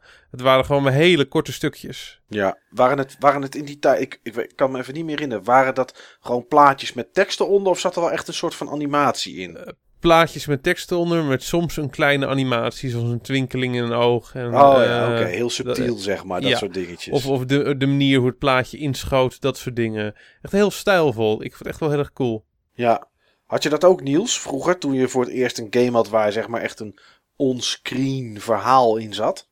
Nou, ik was toen al een buttonbasher. Ja, jij probeerde het allemaal door te drukken. Ja, mij geen verhaal. Nee. Nee. Nee, als, als ik ook nadenk over de verhalen die ik van de games weet die ik in die tijd speelde, ja, was het vaak inderdaad één beeld met een plaatje. Neem bijvoorbeeld een Rick Dangerous. Dan zag je gewoon staan, ja, Rick komt aan in Egypte en gaat op zoek naar de schat. Punt. Nou, Ja, dat is genoeg, hè? ja, dat, Dan weten we wat we moeten doen. ja, dat, Schat zoeken. Ja. ja, dat was, dat was wat, het, wat het vooral in het begin was. En eh, ik denk ook dat dat de tijd was dat verhalen heel erg op elkaar leken. Het was altijd kwaad wat bestreden moest worden. En, en jij was 9 van de 10 keer volgens mij de good guy die dat ging doen. Er zat vaak weinig diepgang in. Ja. Maar er was gewoon letterlijk en figuurlijk nog niet de ruimte voor die diepgang. Nee, je kon geen uitge- uitgebreid verhaal met, met twists en dat soort dingen. Dat, dat kon niet. En daar leende denk ik ook de gameplay zich niet voor. Die in die tijd mogelijk was. Zoiets als een Skyrim of een Fallout Witcher of, of nou Final Fantasy zoals we die nu kunnen beleven. Ja, dat, dat was gewoon niet mogelijk inderdaad in die tijd. Maar ja, goed. Toch was er wel iets van een verhaal, eh, verhaal mogelijk. Ja, dat kwam dan meestal op dit soort, eh Ja, dit soort en, en, dingen en uit. wat ik al zei, het maakte wel indruk. Eh, de, de cutscenes van de eerste Ninja Gaiden, die zijn ook redelijk beroemd. ja. Ja, klopt Heel, inderdaad. heel filmisch voor die tijd. Ja, ja, nou wat je zegt, Steve, het maakte wel, het maakte wel indruk. Wat het, ja, toch wel, hè, wat je zelf ook zei, het be- eh, om, omdat het indruk maakte, een beetje gevoel alsof ze er iets meer uit wilden halen dan een, dan een coin-up game. De- zeg maar, Ja, want dat was natuurlijk ja. een beetje wat er, waar games op leken. In- Als je in de arcadehal kwam, dan kreeg je soms kreeg je een, eh, een, een, een beeld met wat tekst. Of je zag iemand op een huis aflopen. Of, nou ja, en, en daarna was het spelen. Want je, je moest natuurlijk zo snel mogelijk van je gulden af. Want dan kon je er weer een nieuwe in gooien. En dat was natuurlijk ook een beetje wat we thuis kregen. Op onze, op onze consoles. Start ja, en gaan. Ja. Maar wat, wat het wel had al in die tijd was narratief. En soms bedoelen we, als we zeggen verhaal, het narratief. Ja. Eh, Het leg, verschil leg, het, leg het verschil uit, eh, Niels, voor jou. Een verhaal is gewoon een aantal gebeurtenissen die elkaar opvolgen. Dus eh, er is een held en eh, toen werd de prinses ontvoerd. En toen ging hij haar zoeken. En toen verzoek je de eindbaas. En toen vond hij de prinses. Dat is het verhaal. Ik vertel het nu heel plat en heel lelijk, maar dat is een verhaal. Een narratief is iets veel breders. Dat zijn eigenlijk de constructies die, ehm, die bij jouw begrip van een verhaal en een wereld horen. Dus eh, bijvoorbeeld eh, Turtles 3, die ik nu laatst noemde. Of laat ik Turtles 2 als voorbeeld noemen, omdat meer spelers die gespeeld hebben. Ehm, daar zat wel degelijk een verhaalbeleving in. Ook al was die niet altijd textueel of in filmpjes uitgedrukt. Ook omdat het natuurlijk gewoon teruggrijpt op je hele Turtles setting en alles wat je ervan weet en kent. Ja, en er zat ook een progressie in de levels. Je ging langzaam naar die Technodrome toe, wat je ook uit de serie kende als eh, het huis van Shredder, zeg maar. Dus er zat wel, wel degelijk een beleving in. En als spelers terugvertellen over wat ze hebben gedaan in een game, dan heeft dat ook vaak de vorm van een verhaal. Want dan zeggen ze ook en toen en toen en toen. Eh, en ik denk wel dat die twee dingen soms door elkaar worden gehaald. Ja, er is natuurlijk. eh, zou je dat hetzelfde kunnen zien zoals nieuws? Ja, maar ik- vind ik wel een vrij, een vrij technische scheiding. Ik denk gewoon hoe mensen het, eh, hoe mensen gewoon dingen beleven. Ehm, De karakters, eh, hetgeen wat, eh, wat in een verhaal, het- in een game verteld wordt. ehm, hoe het plot zich ontvouwt, hoe de dingetjes in elkaar eh, vallen en welke rol je er zelf bij speelt. Ik denk van, en welke invloed je erop hebt. Ik denk dat mensen dat samenvatten als het verhaal. Ja, maar Ik dat denk- is ik denk- feitelijk het narratief. Ja, maar ik, ja, ja, ik, ik denk tot voor, ik denk tot voor, ja, is niet een term die ik vaak gebruik, maar voor Jan met de pet. ik denk dat het, ja, ik denk dat dat niet uit te leggen valt. Nee, dat, dat snap ik. Is het een, moet, ik denk dat ik het een beetje hetzelfde moet zien als, als jouw Destiny, zeg maar, Steve. Er zit, er zit een verhaal in, hè, wat, door, wat door de ontwikkelaars bedacht is. Dat is het, het verhaal. Ehm, Ja. maar wat Er jij zit, zelf... er zit zelfs een heel uitgebreid eh, verhaal in. Een uitermate uitgebreid eh, verhaal. Want een hele crappy narratief. Het wordt allemaal verteld in een companion eh, app. Als kleine encyclopedia artikeltjes die je vrij speelt. En die je dan kan lezen op je app of, of op de Bungie site. Ja, nou ja, dat is het. Zeg maar, ik denk dat wat Niels inderdaad bedoelt, verhaal is wat de ontwikkelaar erin stopt. Maar alles wat jij zelf doet en waar je dingen aan beleeft en daardoor misschien zelfs keuzes verandert, eh, wat tegenwoordig natuurlijk steeds, steeds meer kan, dat, dat dat meer het narratief is omdat je dat zelf het verhaal dan maakt. Maar laten we inderdaad voor deze aflevering maar een verhaal en eh, narratief als ongeveer hetzelfde zien. Nou ja, goed, kijk, het is aan de andere kant is het ook wel de ontwikkelaar die eventueel de keuzes en, de, en bijvoorbeeld sidequests, wat je kan zien als kleine verhaaltjes, natuurlijk wel in de game stopt. Dus ergens Ja. is het ook wel een beetje, denk ik, hoort het bij het verhaal. Omdat het mogelijk gemaakt is door de ontwikkelaar die toch eh, bijvoorbeeld twee of Ja. drie uitkomsten heeft verzonnen. Om maar even terug te grijpen naar The Witcher. Ik had een, eh, ik had dus een, een quest waarbij ik nou, een item moest terughalen. Dat was de quest die crashte in dit geval, waar ik het net over had in de Game Talk. En eh, er werd mij gevraagd om een item terug te vinden. ehm, wat van de, de, de, de man die mij dat vroeg, die deed zich voor als, eh, als handelaar, als merchant. En die zei: Ik ben overvallen en eh, nou ja, er is een kistje kwijt en dat wil ik graag terug. Nou, jij gaat dat dan halen, et cetera, et cetera. En dan kom je terug en dan heb je eigenlijk zoveel aanwijzingen gehad. dat het eigenlijk dat zijn verhaal niet klopt. Eh, er liggen wat mensen dood rondom dat kistje met een pijl in hun nek. En eh, hij zegt dat zijn kar gewoon door was gereden omdat hij stuk was. Nou, er klopt iets niet. Ja, goed, dan kan jij kiezen om te zeggen van... hé, hey, je verhaal klopt niet. Uh, en dan is dat een uitkomst. Bij mij was dat dan een uitkomst dat de game bleef hangen. Maar je kan er ook voor kiezen om te zeggen... nou ja, hier is je kistje en je krijgt je reward. Dan is het wel prima. Dan kan je zeggen, ja, dat is natuurlijk hè, de speler bepaalt. En dat wordt dan gaandeweg een beetje verteld. Dus het is meer narratief, om nog maar eventjes die term keer te gebruiken. Aan de andere kant, uh, CD Projekt Red heeft het verhaal wel bedacht. En daar, er zijn alleen twee uitkomsten. Ja, dat, dat is zo. Maar ik denk dat het ook moeilijk is om. Kijk, als we het hebben over verhaal en vooral als het uh, visueel is, dan kijken we snel naar films. Ja. Maar games hebben een andere taal. Nee, ik denk klopt. dat dat hoe langer, des te meer duidelijk begint te worden. Ja. Nou, nou niet, niet iedereen. Niet iedereen. Je ziet juist veel games uh, steeds meer filmisch worden. Ja, ja dat maar wel. dat zijn. Nou ja, goed, daar kom ik zo wel op. Ah. Oké. Okay. Um, even, even een andere vraag. We hebben nu een beetje voor onszelf. Tenminste, de een heeft er een iets ander idee bij dan de ander. Maar dat geeft niet bepaald wat verhaal zeg maar is. Hoe belangrijk is voor jou in een, een verhaal in een game, uh, Niels? Uh, steeds belangrijker. Oké. Okay. Ik speel nou al zo lang games. Meer dan 35 jaar volgens mij. Nee, dat kan niet, want ik ben nog geen 35. Kan niet, dat kan niet. Ja. 25. Uh, dat ik uh, zoveel van mijn tijd in games heb gestoken dat je onderhand begint te verlangen dat ze je ook iets teruggeven. Iets betekenisvols. Oké. Okay. En uh, dat kan een verhaal uit een game doen. Als het goed verteld is. Dat is heel belangrijk, goed vertellen. Ik neem aan dat we daar nog op terugkomen. Ja. Um, maar um, ja, het kan ook gameplay zijn. Maar ik ben wel op zoek naar games die mij iets vertellen of een inzicht geven wat ik nog niet had. In ieder geval op een bepaalde manier verrijken. Dat verder gaat dan alleen maar uh, het vermaak. En dan heb ik het niet over serious games of applied games. Dan heb ik het wel gewoon over die entertainment games. Die kunnen soms een uh, onuitwisbare indruk op je achterlaten. Ja. En, en dat heb ik graag. Oké. Okay. En voor jou, Steve, hoe belangrijk uh, is voor jou het verhaal? Ja, verschilt sterk van de game af. Oké. Okay. Um, bij, een, bij een Destiny bijvoorbeeld mis ik het niet dat het verhaal behoorlijk dun is. Nee. Um, je speelt al die stukken toch keer op keer op keer. Dus op een gegeven moment gaat het verhaal alleen maar in de weg zitten.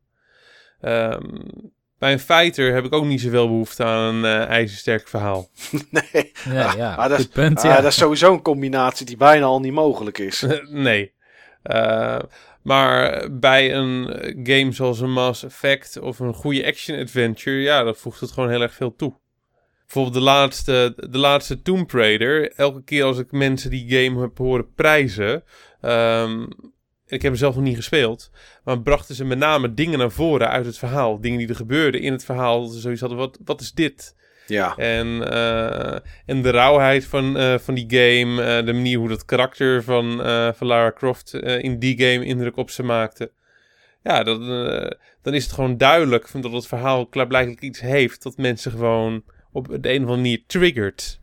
En ja, om weer een van mijn uh, ja, stokpaardseries uit de kast uh, te trekken, Mass Effect. Wat ik zo bijzonder vind aan die game is gewoon het verhaal en de manier hoe je het verhaal maakt, ook over de serie heen. Ja, over alle drie de delen heen. Ja, ja. En ik vond het ook een verhaal wat me heel erg aansprak, met karakters die me heel erg aanspraken. En uh, ik ben ook heel erg in dat verhaal gaan duiken. Alle kleine verhaaltjes die in het verhaal zaten, alle verhalen van, uh, van alle losse karakters en de interactie die je met ze kan hebben. Om zo het grote verhaal steeds meer te vormen naar, naar mijn rol in het geheel. Een rol die ik, die ik met mijn Shepard heb, heb ingenomen. Ja, dat, dat zijn gewoon games die, die leven op het verhaal. Um, Witcher, waar ik echt wel naar uitkijk om te spelen. En ik uh, baalde ervan dat hij zo uh, ja, vol met bugs en nog op te lossen dingetjes zat. Want ik had hem echt wel uit de kast willen trekken. Al maakte het nu de strijd tussen Destiny en The Witcher wel automatisch een heel stuk kleiner. Ja. Dat was een voordeel. Maar uh, een van de dingen die me ook aanspreekt is dat verhaal. Ja. alles wat ik gehoord heb qua voice acting... Uh, wat ik voorbij heb zien komen qua filmpjes, vond ik ook echt heel erg goed. Ja, is het ook. Is het ook. De, de, de, de lip sync is, uh, is, is, is bijna spot on. is echt heel erg geweldig. Er is heel veel aandacht besteed aan de gezichten. Er zitten heel veel details in. Wat je soms bij een, bij een kledingstuk of bij een vloer in een gebouw. Dat je denkt van nou hier had wel iets meer, hè, iets meer tijd aan besteed mogen worden. Dat zie je terug in, in, in de voice acting en in de gezichten. En dat, dat, dat voegt enorm veel toe. Uh, wat me ook opvalt is, des, is hoeveel uh, gerenommeerde acteurs tegenwoordig in, ook ingehuurd worden uh, voor games. Ja. Al dan niet in combinatie met hun likeness die ze dan kunnen gebruiken, hun uiterlijk als, als model. Ja. Um, dat is ook iets wat je vroeger niet, niet had. Enerzijds omdat het niet kon en anderzijds, ja, vaak was de voice acting gewoon crap. Ja, was ook zo. Dan hadden ze gewoon derde amateurs of bij wijze van spreken de, de broertjes en zusjes van ontwikkelaars ingehuurd als uh, een soort van ja, als een soort handpoppen, zeg maar. Ja. ja. Nou, en zo bewoog het ook, hè. Het was mond open of mond dicht. En daar kwamen dan geluiden uit. Ja, terwijl echt goede voice acting kan ook gewoon zoveel toevoegen aan een, uh, aan een verhaal. Ik, ik weet nog wel wat de eerste game was die voor mij um, qua verhaal, qua moderne, qua mo een moderne manier om een verhaal te vertellen. Met, uh, met uh, bakken vol voice acting en eigenlijk uh, nul geschreven tekst. wat er echt uitsprong. Ja, dat was Legacy of Kane Soul Reaver. Ja. Vanaf het eerste moment van dat dat verhaal op me afkwam, was ik echt gewoon erdoor gegrepen. En er wordt gewoon ook zoveel verhaal verteld in die game. En het zit gewoon echt nooit in de weg. Het zit gewoon nooit in de weg. Uh, je kijkt uit naar de cutscenes. En op het moment dat er, dat er stemmen uh, te horen zijn. Op het moment dat je gewoon aan het spelen bent. Dat, dan, ja, dan voegt het ook echt gewoon gigantisch toe. Dat vind ik ook gewoon zo'n goed verhaal. En dat is ook zo'n bijzondere serie. Die hele Legacy of Kane uh, serie. Zulke complexe karakters. En die, die wereld zit zo complex in elkaar. Met met geen goed, geen slecht, maar alleen maar grijs tinten. Uh, wat je ook alleen een paar kan snappen op het moment dat je echt gewoon in al die games gedoken bent en doorhebt hoe, al, hoe ze allemaal in elkaar grijpen. Er was ook één deel van die serie daarvan, eh, die stond bekend als een deel met een slecht verhaal, uh, tot allemaal niet klopte met continuïteit en tot het allemaal onlogisch was. Maar later bleek dat ook uh, in een hele andere tijdlijn te zitten. Dat werd dan weer een andere game uh, voor. Uh, kwam dat naar voren. En toen, op basis van een aantal onthullingen uit die game, viel dat juist als een, een soort met van briljant puzzelstukje op de juiste plek. En snapte je ook gewoon waarom alles anders was. En snapte je waarom die dingen zich, zich voordeden. Ja, en dat vond ik echt wel een serie. Um, die, op, die ik puur op basis van het verhaal iedereen zou aanbevelen. Ja, nou ja, dat is dan slim gebruik maken van. Jij kent die openingsscène van die, uh, van die tweede game in de reeks uh, Soul Reaver wel, toch? Legacy of Kane Soul Reaver. Legacy of Kane, ja, ja, ja. Ja, gewoon zeg maar wat... Uh, dat die vleugels afgerukt worden door Kane van Raziel. Ja. Geweldig. Ja, dat, ja, dat, dat, dat soort dingen brengt gelijk sfeer ook. En het verhaal doet ja. natuurlijk ook... Hè, past daar natuurlijk ook, uh, ook bij, brengt ook sfeer. Maar dat is. Uh, ja, dat, dat zijn openingen die je bijblijven. En, uh, en ja, goed, dat doet natuurlijk wel iets ook met wat je daarna gaat beleven. Wat geschreven is door de ontwikkelaar. Ik heb dat filmpje, denk ik, wel twintig keer achter elkaar gekeken. De eerste keer dat ik het zag. Het was echt mindblowing. Ja. Maar, dat, maar daarvoor heb ik ook wel gewoon gehad van dat een verhaal ja, toch uh, toevoegde um, aan mijn spelbeleving. En er was geen diepgaand uh, verhaal als je het vergelijkt met de verhalen van nu. Maar ik weet nog, ik kwam natuurlijk uit de NES-tijd, kwam ik de SNES-tijd in. Ja. En toen ik Zelda 3 ging, ging spelen en toen ik zag hoeveel verhaal daarin in zat ten opzichte van de eerdere Zelda-delen en ten opzichte van andere games uit dat genre die ik gespeeld had, een Simon's Quest, een Xanadu ja, dingen werden echt gewoon uitgelegd waar je naartoe moest. Er werd gewoon echt uitgelegd waarom je dingen deed. Uh, je had connectie met karakters. er waren allemaal karakters met hun eigen quirks en eigenaardigheden. En ze kwamen aan het eind ook allemaal weer terug. Ja, nou ja, en niet van... Er zaten ook dingen in dat je dacht van... Oké, als ik deze vier items bij elkaar heb, dan ben ik er. Ja, dan blijkt, hè, komt er in één keer een twist en dan blijkt er in één keer toch nog iets anders te zijn wat, wat niet klopt of, of wat niet, wat, wat, wat, waarvoor je toch nog verder de game moet spelen en ja, een andere wereld in één keer en dat soort Je dingen. was nog niet op de helft. Nee.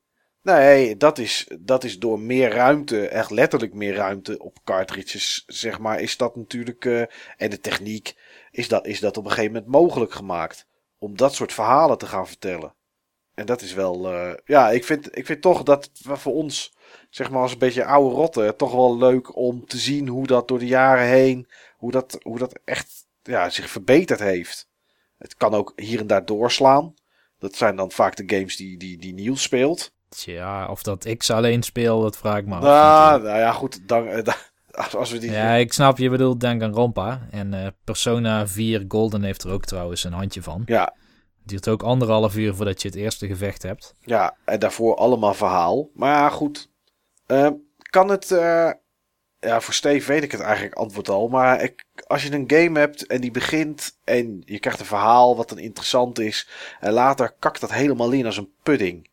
Dat het verhaal slecht is. Kan dat dan de zin die je hebt in die game. kan dat dan dat daardoor afnemen, zeg maar? Is het een kracht van de game om door te spelen. als het verhaal in begint te zakken. en je eigenlijk het verhaal niet meer kan boeien? Kan gameplay dat dan nog redden, Niels? Ehm, dat ligt eraan wat voor gameplay. Kijk, als die gameplay eh, anders is dan wat je tot dan toe hebt gedaan, of in ieder geval genoeg vernieuwing brengt, Ja. dan wel. Maar ehm, ik kan wel games bedenken waar het verhaal op een gegeven moment ophoudt, of in ieder geval op de achtergrond verdwijnt, en waardoor je dan ook minder, tenminste ik, wat minder gemotiveerd was om door te gaan. Maar noem eens zo'n game waar je dat bij had. Eh, ik had dat laatst bij eh, Thomas Was Alone. Oké. Dat is een indie game. Ik weet niet of iemand van jullie hem gespeeld heeft. Ik heb hem niet gespeeld. Ik heb wel gezien, het is een, een blokje of zo. En dan moet je, kan je springen. Maar meer dan dat weet ik er ook niet van. Nou, het is, het is een briljant verhaal, vind ik zelf. Het is echt een, eh, een hoogtepuntje als het gaat om eh, interactive narrative. Ehm, en het is heel abstract verteld. Oké. Dus je bent, een, eh, je bent inderdaad een, een blokje, Thomas. En Thomas is een AI, Artificial Intelligence, dat tijdens een internet spike een soort, ja, ik zou het niet helemaal bewustzijn noemen of zo. Ja, misschien ook wel. Ik weet niet meer precies hoe het ging, maar een soort bewustzijn. En jij bestuurt Thomas Oké, ja. als dat bewustzijn. Oké, dus jij bent het bewustzijn van een, een artificial intelligence. Ja, een, een blokje Thomas. Ja. En die is alleen. Eh, niet heel lang, want er komen op een gegeven moment meer blokjes. En die hebben verschillende vormen en die kunnen verschillende dingen. Eh, maar die, dat zijn ook AI's en die hebben andere karaktereigenschappen. Oké. Dat wordt ook verteld door een of andere narrator. Hij klonk heel bekend, maar ik wist niet, eh, niet wie het was. Hm, Oké. Ehm, wat het spel echt enorm goed doet, is dat de acties van de blokjes en hoe het level eruit ziet, vertelt een verhaal. En dat wordt wel enigszins versterkt door wat de narrator zegt, want die contextualiseert het. Dus die vertelt eigenlijk de hele tijd wat Thomas voelt en wat hij aan het doen is. En af en toe komen er quotes in beeld van developers van een, eh, een fictief softwarebedrijf dat die AI ontwikkeld zou hebben. Dus die geven wel wat meer context mee. Maar het feit dat gewoon alleen al als je springt met het blokje, dat dat betekenis heeft, dat kom je niet vaak tegen in spellen. Hmm. Het klinkt wel heel erg eh, zweverig een beetje. Ja, eh, ja, misschien is het ook wel zweverig eh, voor begrippen, zeg maar, van hoe verhalen normaal worden verteld. Maar ik had, jij hebt erop gereageerd op Miiverse. Ja. Ik had een post over Thomas Was Alone gemaakt. Namelijk dat elk blokje meer persoonlijkheid heeft Ja. dan welk Dragon Age karakter ik ook dan ooit heb gezien. Ja, dat vond ik wel apart. Want gezichtsuitdrukkingen en dat soort dingen van een blokje bestaan natuurlijk niet.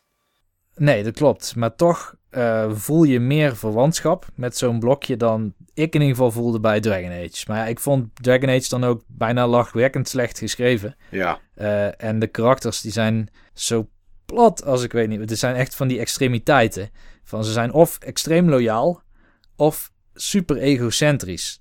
Maar er is niet veel grijs gebied. Misschien Morrigan van Dragon Age Origins. Ja. Ehm, Alistair vind ik ook wel een karakter met verschillende lagen hoor. Nou, ja, ik weet het niet. Hij is extreem loyaal, maar hij heeft een achtergrond die niet heel chic is. Of eigenlijk wel juist trouwens. In het verhaal eh, is hij een koning eigenlijk, maar hij wil het liever niet zijn. Ik weet niet hoe diep dat dat is. Ik vond het zelf in ieder geval eh, niet echt heel diep. Nee, nou ja, dat kan. Maar goed, het is wel apart dat jij dat, die, die diepgang of die emotie, of hoe je het dan En noemen. Morgan, Morgan vind ik echt een heel interessant karakter. Ja, Morgan, ja, maar die- Morgan is ook echt heel geliefd. Morgan was in ieder geval grijzer. Een beetje net als in de Baldur's Gate serie, die ik laatst ook aan het herspelen was. Als je daar NPC's tegenkomt, die, of die in ieder geval playable characters zouden kunnen zijn, ehm, dan eh, zijn die vaak in eerste instantie best wel duister, misschien. Tenminste, die portretten zijn zo. Eh, daardoor vertrouw je wat ze zeggen ook niet helemaal, maar dan maak je de keuze van ik neem ze zo lang mee, nu ze in ieder geval voor mij nut hebben. En dan ditch ik ze later wel. En ik had het idee dat bij Baldur's Gate, dat, dat grijze gebied, wat jij net bij Le- Legacy of Kain eh, mooi beschreef, eh, dat dat daar veel duidelijker was dan bij eh, de Dragon Age game. Waar karakters toch best wel eendimensionaal zijn. En kijk, er kan wel iemand omslaan van karaktertrek. Ehm, maar de redenatie is dan van, ach, ik speelde de hele tijd maar alsof ik je vriend was. Oké, en dan toch... Ja, maar eh, de karakters van Baldur's Gate die zijn juist ingedeeld op de, op de Dungeons and Dragons assen. Die, eh, die variëren van lawful good tot, chaot- tot eh, chaotic evil. Die, Mhm. dat, die zijn juist veel meer ingedeeld als archetypes. Ja, maar dat hoeft toch niet? Ik bedoel, ik snap de keuze om dat te doen. Ja. Maar ja, je kan ook creatief met archetypes eh, omgaan. Zie een 9 Hours, 9 Persons, 9 Doors, wat ook eh, archetypische karakters heeft. Maar niet, zeg maar, die extreme allemaal zijn die BioWare wel verkent in eh, Dragon Age. Ik moet zeggen, er zaten geweldige karakters hoor tussen Baldur's Gate. Die me absoluut zijn, zijn bijgebleven. natuurlijk Minsk Ja. en Boone natuurlijk. Mhm. Die horen bij elkaar als peanut butter en jelly. En eh Khalid vond ik ook cool. Die stotterende warrior. Ja, ik ken Khalid eerlijk gezegd niet. Waar, daar ben ja, ik dan mo- niet. dan moet hij net in je party hebben gezeten. Ah, oké. Maar goed, terug naar eh, Thomas was alleen. De blokjes eh, deden jou meer en brachten, ja, brachten meer naar de tafel voor het verhaal, zeg maar, dan de games waar we het net over hadden.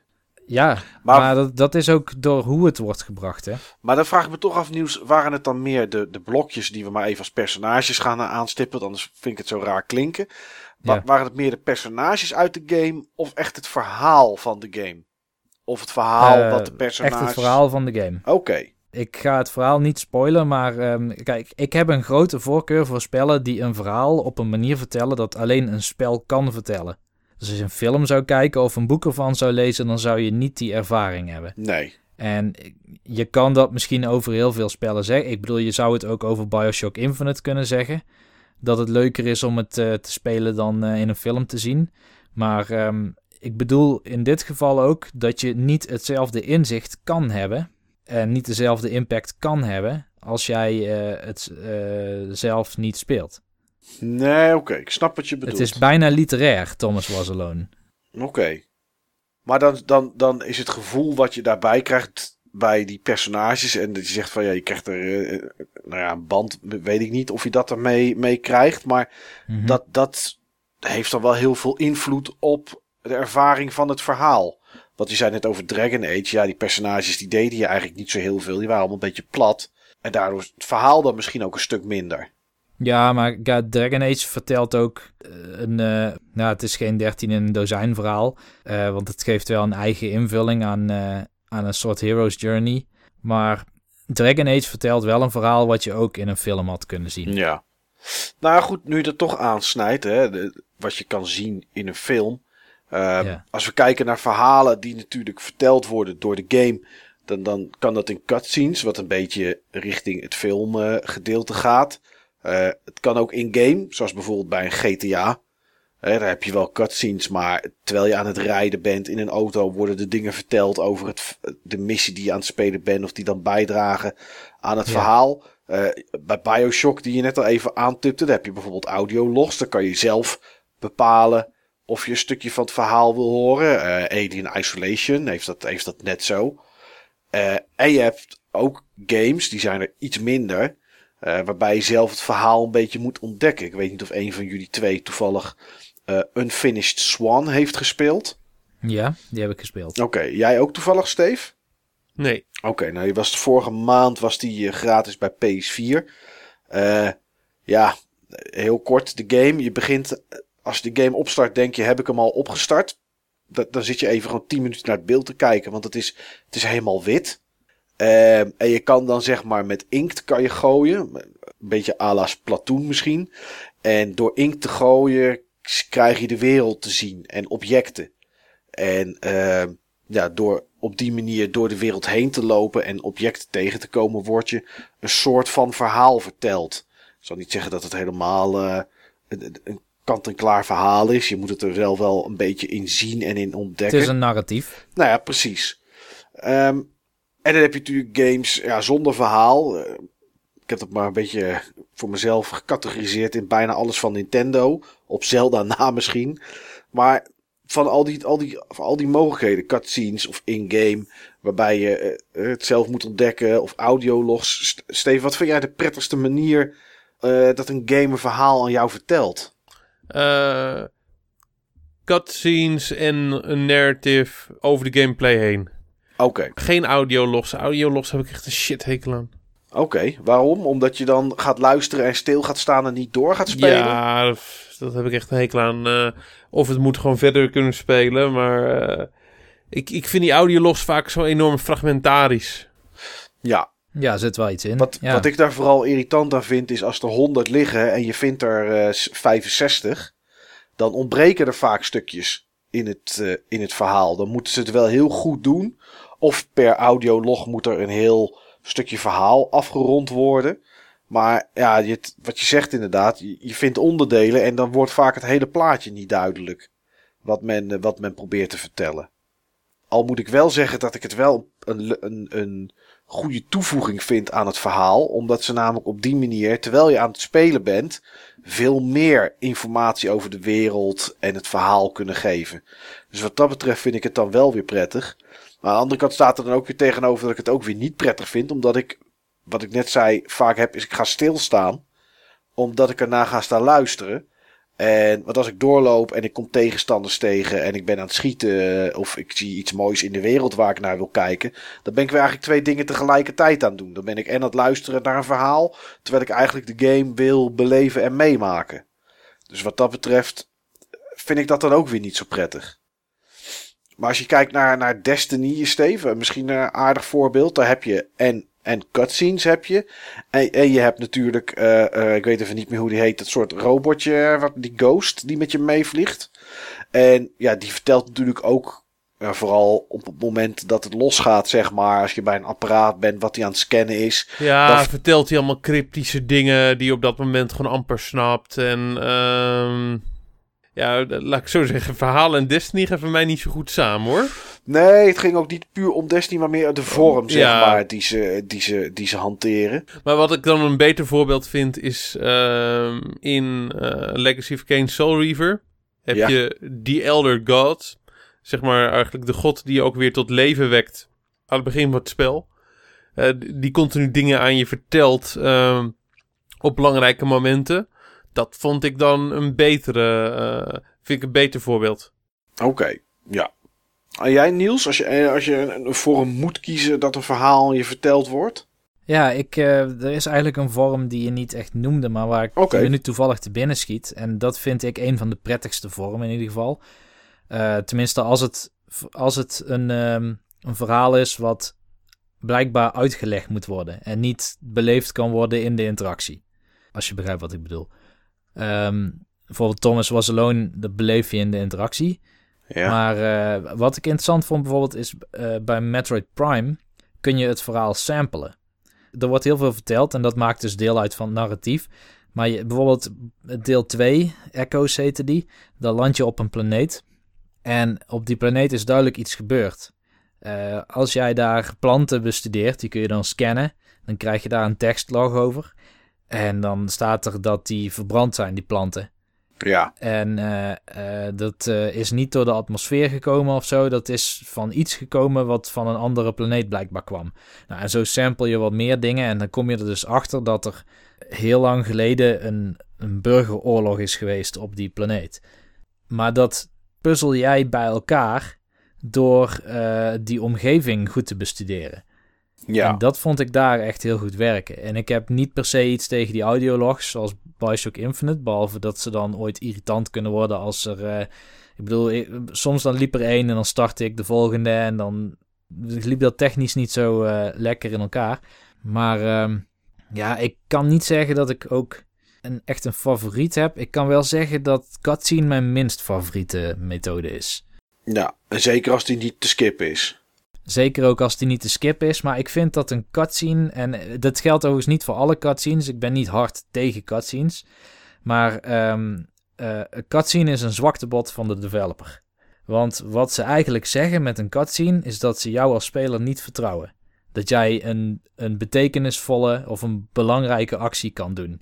Die moeten ze uit handen nemen. Zij moeten het laten zien. Want anders gebeurt het misschien niet. En ze vinden het te belangrijk dat je het echt meemaakt zoals zij het bedoelden. Hmm. Dat... Zo heb ik er eigenlijk nog nooit naar gekeken, moet ik zeggen. Ja, maar dat, zo zie ik eigenlijk een cutscene. Oké. Want Ja, je zou ja, maar ja. denk terug aan wat, wat zijn nou spellen waar een, een geweldig einde aan zit of zo. Eh, Halo 1, ik noem maar wat. Ja. Eh, je stapt aan het eind van Halo 1 stapt eh, Master Chief in zo'n Warthog. En dan, dan moet je een basis of weet ik veel wat was ontsnappen. Die op het punt van ontploffen staat. Ja. Nou ja, eh, een Ubisoft had zomaar kunnen zeggen van weet je wat, op het eind van het spel dan zeggen we cut, eh cutscene, Master Chief eh, stapt in een Warthog en rijdt weg. ja. En dan zie je het in plaats van dat je het doet. Ja. De en dat game- brengt een heel andere dynamiek mee. Ja, tussen haakjes speelt de game het voor jou. In, in jouw beleving, omdat ze je eigenlijk. nou ja, te stom klinkt misschien heel hard. Maar eigenlijk te stom vinden om het te doen. En dat is wel hoe hun het verhaal en het einde in gedachten hebben. Ja, Ja, zit misschien iets in of niet, Steve? Ja, ja ga ik wel eh, in mee. Ja, goed, er zijn natuurlijk ook, als je bijvoorbeeld Final Fantasy 7 neemt, zit er natuurlijk ook. eh stond natuurlijk ook bol van de cutscenes. En in die tijd waren dat baanbrekende FMV's, zoals we ze Oh, noemden. Ik wist dat we op een gegeven moment bij Final Fantasy 7 kwamen. Maar ga door, ga door. Ja, nou ja, goed, Niels, eh, kan niet anders. Daar was het niet al, bedoel, daar had je zelf toch ook in die game genoeg in handen. eh, qua acties die misschien belangrijk waren voor, voor, de, voor het verhaal om, om die te spelen. En toch Ja. zaten, er, zaten er cutscenes in. Maar ik heb bij die games, en laatst zat ik Final Fantasy 10 eh, HD remaster op de PS4 te spelen en Final Fantasy 10 2 eh idem dito. En daar had ik toch bij die cutscenes meer het gevoel dat het niet was, zoals jij het nu uitlegt, als ik eraan terugdenk, om je iets uit handen te nemen, om iets belangrijks te laten gebeuren, Mhm. maar om een beetje sfeer te bepalen. En ehm, als je bijvoorbeeld in, in het begin heb je natuurlijk jouw personage, die is heel goed in dit soort van, van, van, van voetbal, wat dan in, in een soort van arena van water en nou ja, een beetje futuristisch voetbal eh, is. Ja, dat zou, je, dat zou je misschien kunnen spelen. Ik denk dat het in die tijd niet mogelijk was, eh, omdat de PS2 dat gewoon niet trok. Om je dat te laten spelen, zo dynamisch en alles wat daarin gebeurt. Maar ik heb nou niet het gevoel dat de game mij daar iets uit handen neemt, omdat ik het zelf niet had gekund. Nee, nou ja, ik zei ook al, ik ben niet tegen alle cutscenes. Maar ik zie wel dat het vaak in, in ieder geval van die AAA eh cinematische games op zo'n manier wordt gebruikt. Ja, Eh, wat, wat ik dan wel heb bij zo'n Final Fantasy eh, X of 10 en eh 10-2, is, eh, is dit echt het beste wat ze in gedachten hadden om jou te kunnen vertellen? Dat er futuristisch voetbal aan de gang is. ja. Ehm, je bedoelt van het, het brengt eigenlijk niks mee aan het verhaal of de wereld of wat dan ook. Ja, precies. Ja, nou goed. Wat ik dan denk is, als ik dat zie, is. En zo zie ik het dan. Dat, eh, dat ze in mijn ogen vind ik dat dan wel leuk, omdat ze net iets meer smoel geven aan de wereld en aan de personages waarmee je speelt, dan alleen maar wat broodnodig is. Ik bedoel, broodnodig is het niet dat hij, uh, dat hij zo'n zo, zo'n voetbalheld is. Ja, de kids vinden hem leuk en weet ik veel wat. Maar op het moment dat, dat de halve wereld is vergaan en dat het kwaad bestreden moet worden. Ja, dan, dan ja, lekker boeiend dat hij zo kan, kan, kan voetballen. Daar, daar heb je helemaal niks aan. Maar het, voor mij voegt het dan wel iets toe dat het een soort. Ja, hè, het zit, begin zitten ze ook op een strand. Het is een beetje zo'n zo'n vrijgevochten laidback uh, dude is het. Die dan aan zo'n sport doet en waar je dan toevallig heel goed in is. Het geeft voor mij dan wel iets aan, aan gezicht aan het personage. Ja, nee, het is wel smaakmakend. Ja, het, kijk, zo'n game als, als, een, als een Final Fantasy of elke andere RPG is natuurlijk niet iets wat je vier uur speelt. Hè, dat er zitten vaak 60, 70, 80 uur in. Of afhankelijk of de sidequests zijn en, en dat soort zaken. Dus ik heb wel zoiets van ja, als, dan, als je zo lang speelt met bepaalde personages.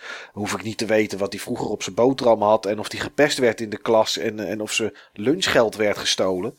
Maar iets van, van, ja, van karakter aan zo'n personage vind ik dan toch wel prettig. Dat vind ik toch wel interessant. Het ge geeft net even iets meer body. Ja. Nee, daar geef ik je wel gelijk in. Maar ik zou geen Final Fantasy game meer kunnen spelen, denk ik. Nou ja, Omdat... we weten niet wat 15 gaat brengen, maar... Nee, ja, kijk, als dat hele supergoede gameplay heeft... en ik heb dan een stukje van die demo gespeeld... en ik heb wel het idee dat ze iets te pakken hebben... maar ik vond het nog niet echt heel erg boeiend of zo. Maar het, ik heb wel meer vertrouwen in 15 dan ik had in uh, 13. Ja. Maar kijk, Final Fantasy's zijn lange spellen. En uh, voor het verhaal zal ik het in ieder geval niet meer doen. Nee, en, en, waarom, waarom niet? Omdat het verhaal niet boeiend is. Of, en dat heb ik met Final Fantasy net iets meer dan met andere games. Mm -hmm. Dat ze op een gegeven moment zoveel vertellen en erbij halen. Dat je het verhaal op een gegeven moment een beetje kwijtraakt. Of dat het oninteressant wordt. Nou, bij mij is het meer dat um, in mijn beperkte tijd om games te spelen tegenwoordig ga ik liever games spelen die mij echt iets nieuws brengen. Een, een nieuw inzicht bijvoorbeeld. Uh, iets vertellen wat een film of een, uh, of een boek niet kan. Dan uh, zo'n ellendig lange RPG waarvan de gameplay na een tijdje gaat vervelen. Maar waar ook nog een verhaal in zit wat ik, waar ik niet een dag minder op slaap als ik het gemist had. Ja, ik snap het. Toch, toch baalde jij er van de week van dat The Witcher 3 uitverkocht was. Ja, dat klopt ja dat is dan toch wel vreemd. Ja. Uitverkocht, joh. Ja, bij Mediamarkt, want die hadden zo'n drie voor de prijs van twee actie. Dus hij was nog wel uh, te koop bij, uh, bij Game Mania. Maar uh, ja, kijk, zo'n actie, daar maken mensen natuurlijk gretig gebruik van. Ja. En dan is dit toch wel ja, de, de enige titel op dit moment van dit kaliber. Ja. Voor een console die ook veel mensen hebben. Of meerdere consoles en systemen. Ik bedoel, Splatoon kwam ook uit. Maar ja. Daar zit iets minder, iets minder publieke, publieke aandacht zit daaraan. Precies, uh, ja. ja. Maar goed. Oh, mag ik iets toevoegen trouwens? Ja, tuurlijk. Uh, um, ik heb uh, pas geleden een, een indie game gespeeld op aanraden van een collega. Ik heb nu een collega werken. Um, zij heet Phoenix en zij is van New York University. Oké, okay, en Phoenix is haar echte naam? Dat is haar echte naam. Oké. Okay. Uh, maar zij zit dus ook heel vaak in, uh, in panels voor jury of uh, jurering panels voor indie games bijvoorbeeld. En ze vertelde mij dat ze een game had gespeeld en die heet Curtain. Oké. Okay. Het is geen bijzondere game, kan ik alvast vertellen. Ik, ga ook, ik zou het niet per se aanraden om te gaan spelen. Maar wat interessant is aan Curtain is dat het een game is van een transgender. Uh, die een soort autobiografisch iets wil vertellen. En dat autobiografische, dat heeft te maken met uh, domestic abuse. Dus thuisgeweld. Oké. Okay. En... Ik, uh, ja, ga verder. Nou ja, kijk, wat ik ermee wil zeggen is dat dit is zoiets. Maar, en het, het boeide me uiteindelijk niet, hè. Ik bedoel, ik vond het geen goede game.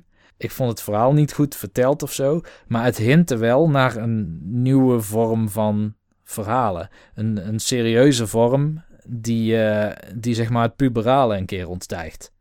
Ja. Weet je wat, weet je wat het eerste wat bij mij opkomt met zoiets? En iedereen mag natuurlijk maken en, en doen wat hij wil. En, eh, en dat vind ik voor de rest allemaal prima. Maar als ik zo'n verhaal wil horen, dan kijk ik naar rondom 10. Of dan kijk ik naar Brandpunt. Of, eh, of naar Nieuwsuur. Of dan, dan zet ik het journaal aan. Of dan kijk ik naar een documentaire op Nederland 3. Of ik luister naar Holland Doc op de radio. Maar voor mij persoonlijk, zeg maar, als ik een game ga spelen, dan wil ik ontsnappen aan de, aan de werkelijkheid. Eventjes. Ja. Niet, niet dat mijn leven zo beroerd is dat ik helemaal moet ontsnappen. En dat ik als ik geen game zit te spelen, dat ik kook ga snuiven. Omdat ik dan, weet ik veel, van de kaart ben en niet meer weet wat er in het echt gebeurt.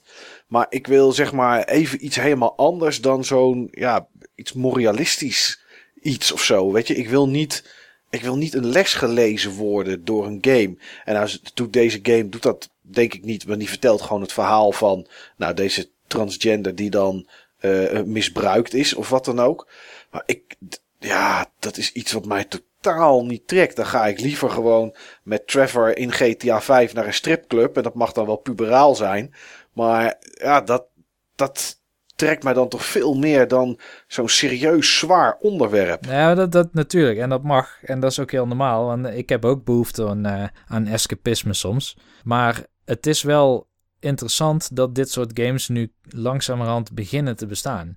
Want dat betekent dat, dat er nog steeds groei zit in de kennis over game design. Dat wel, maar ik, ik denk alleen dat het, het, het blijft wel, eh, het is het nu al, maar dat zal het ook wel blijven, blijft iets heel niche, denk ik. Ja, maar dat, dat blijft zo. Vooral omdat grote publishers en developers nog niet de kennis hebben die sommige indies wel hebben. En dat klinkt als een hele gewaagde uitspraak. Maar het geld zit vaak in de dingen die bekend zijn voor het publiek. Klopt. Dus, dat gaat, vooral geldt dat ook voor de manier waarop spellen nu verhalen vertellen. Eh, Marshall McLuhan, filosoof, die zei ooit dat we achterstevoren de toekomst inlopen. En wat hij daarmee wil zeggen is dat we een nieuw medium vaak uitdrukken in termen van een oud medium. Ja, tuurlijk, omdat je het wil beschrijven met iets wat je kent. Ja, nou bijvoorbeeld de eerste auto was een koets zonder paarden. Ja, Want iets wat bewoog met wielen, dat zag er gewoon zo uit. En dat, dat had gewoon grote wielen die heel hoog waren. En je zat er hoog bovenop. Je zat er niet per se in. Eh, maar dat werd door de jaren heen verfijnd. De eerste films waren aan één stuk opgenomen toneelstukken. ja, En de beeldtaal die we nu kennen met, met cuts en eh scènewisselingen en camerastanden, die is pas vrij laat ontwikkeld. En ik heb dus het idee door het ontstaan van experimenten die ik vooral in de indie-sferen zie, dat games eigenlijk nog in dat vrij vroege stadium zitten, waarin we nog steeds de beeldtaal van andere media waar we bekend mee zijn lenen om iets uit te kunnen drukken. jawel, dat denk ik wel. Maar ik, als je dan kijkt naar het verhaal wat, dit, wat deze game probeert te vertellen, denk ik niet dat dit ooit aan gaat slaan bij grote ontwikkelaars. Nee, Dit, dit, en niet per se dit verhaal, maar dan überhaupt dit soort storytelling niet. Maar het hoeft ook niet door grote ontwikkelaars opgepakt te worden. hè. Kijk, nu zijn games gewoon zo duur om te maken dat het alleen weggelegd is voor een kleine partij om echt iets ja, groots in de markt te zetten. Jawel, tuurlijk. En, en, en, en, en een verhaal moet voor eh, een groot publiek aanslaan, want anders hè, dan, dan wordt er niet genoeg mee verdiend. Ja. Dat is natuurlijk ook zo, maar ik denk dat dit soort dingen wel bij indies blijven. Want Steve, zou jou het trekken om, om die game die Niels net beschrijft, die Curtain, om dat te spelen? Dit is, dit, ik- ik, probeer toch ook games altijd een beetje te, te spelen, omdat ik er vrolijk Iets- van word. Iets Of- te, iets te experimenteel voor mijn smaak. Oké, en dan experimenteel in, in de zin van dat dit verhalen zijn die, ja, ja ik, ik weet Het niet zo spreekt goed. me hoe- gewoon niet aan. Nee, Nee, ja, ja.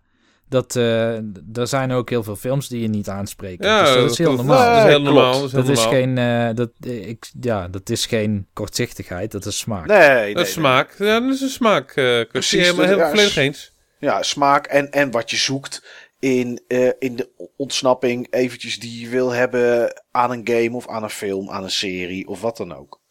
Dat is, Ja. natuurlijk, dat is natuurlijk ook. Maar Wacht. ik bracht het gewoon alleen maar omdat dit een voorbeeld is van iets wat een andere manier van vertelling doet dan een film of, eh, of boek. Omdat jij zelf in die rol bent. en zelf een keuze maakt en wordt geconfronteerd met de consequenties. Ja.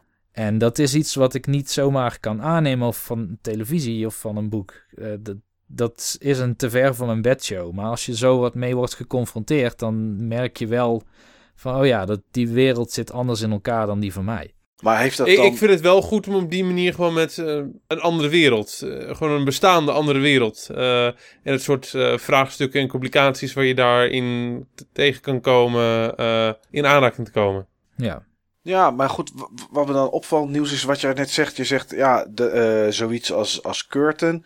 Um, dan is door de keuzes die ik zeg maar maak, uh, merk ik daar dan de, de, de gevolgen van, zeg maar. Hè? Dat is wat je, wat je net zei. En dat iets wat je normaal niet weet. Ja. Maar, maar dat, hebben wel, dat hebben wel meer games.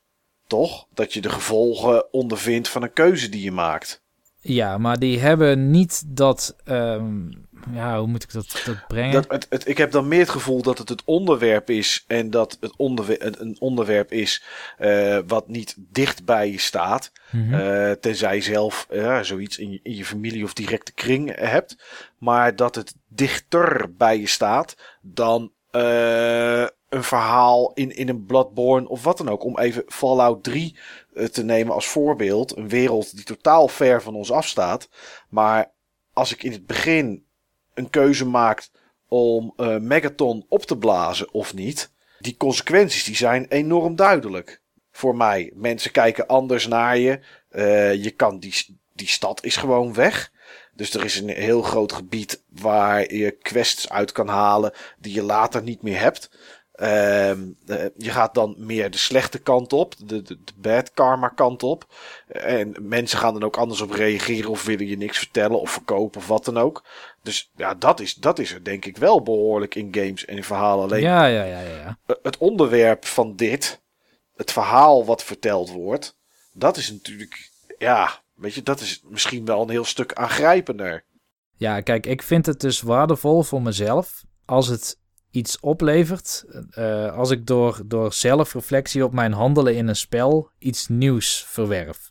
En dat klinkt heel metafysisch of zo.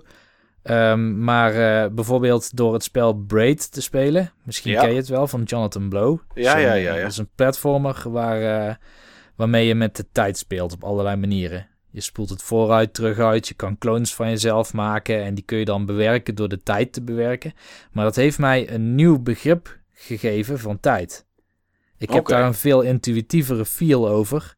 Ik kan me een voorstelling nu maken van wat er gebeurt als jij meerdere tijdsdimensies zou hebben naast elkaar, die op verschillende snelheden draaien. En dat had ik niet uit een boek kunnen lezen. Dat had een film mij niet kunnen laten zien. Dat moet je voelen door ermee te interacteren. Ja, precies, dat moet je ervaren. Ja, en daar ben ik dus persoonlijk naar op zoek. Nou, dat is eh, ja, duidelijk. Duidelijker dan dit wordt het niet, Niels. Nee, ja, ik denk het niet. niet vanavond in ieder geval. Nee, nee, en misschien niet zonder drank. Maar Nee. nee, nee ja, ik snap het wel. eh.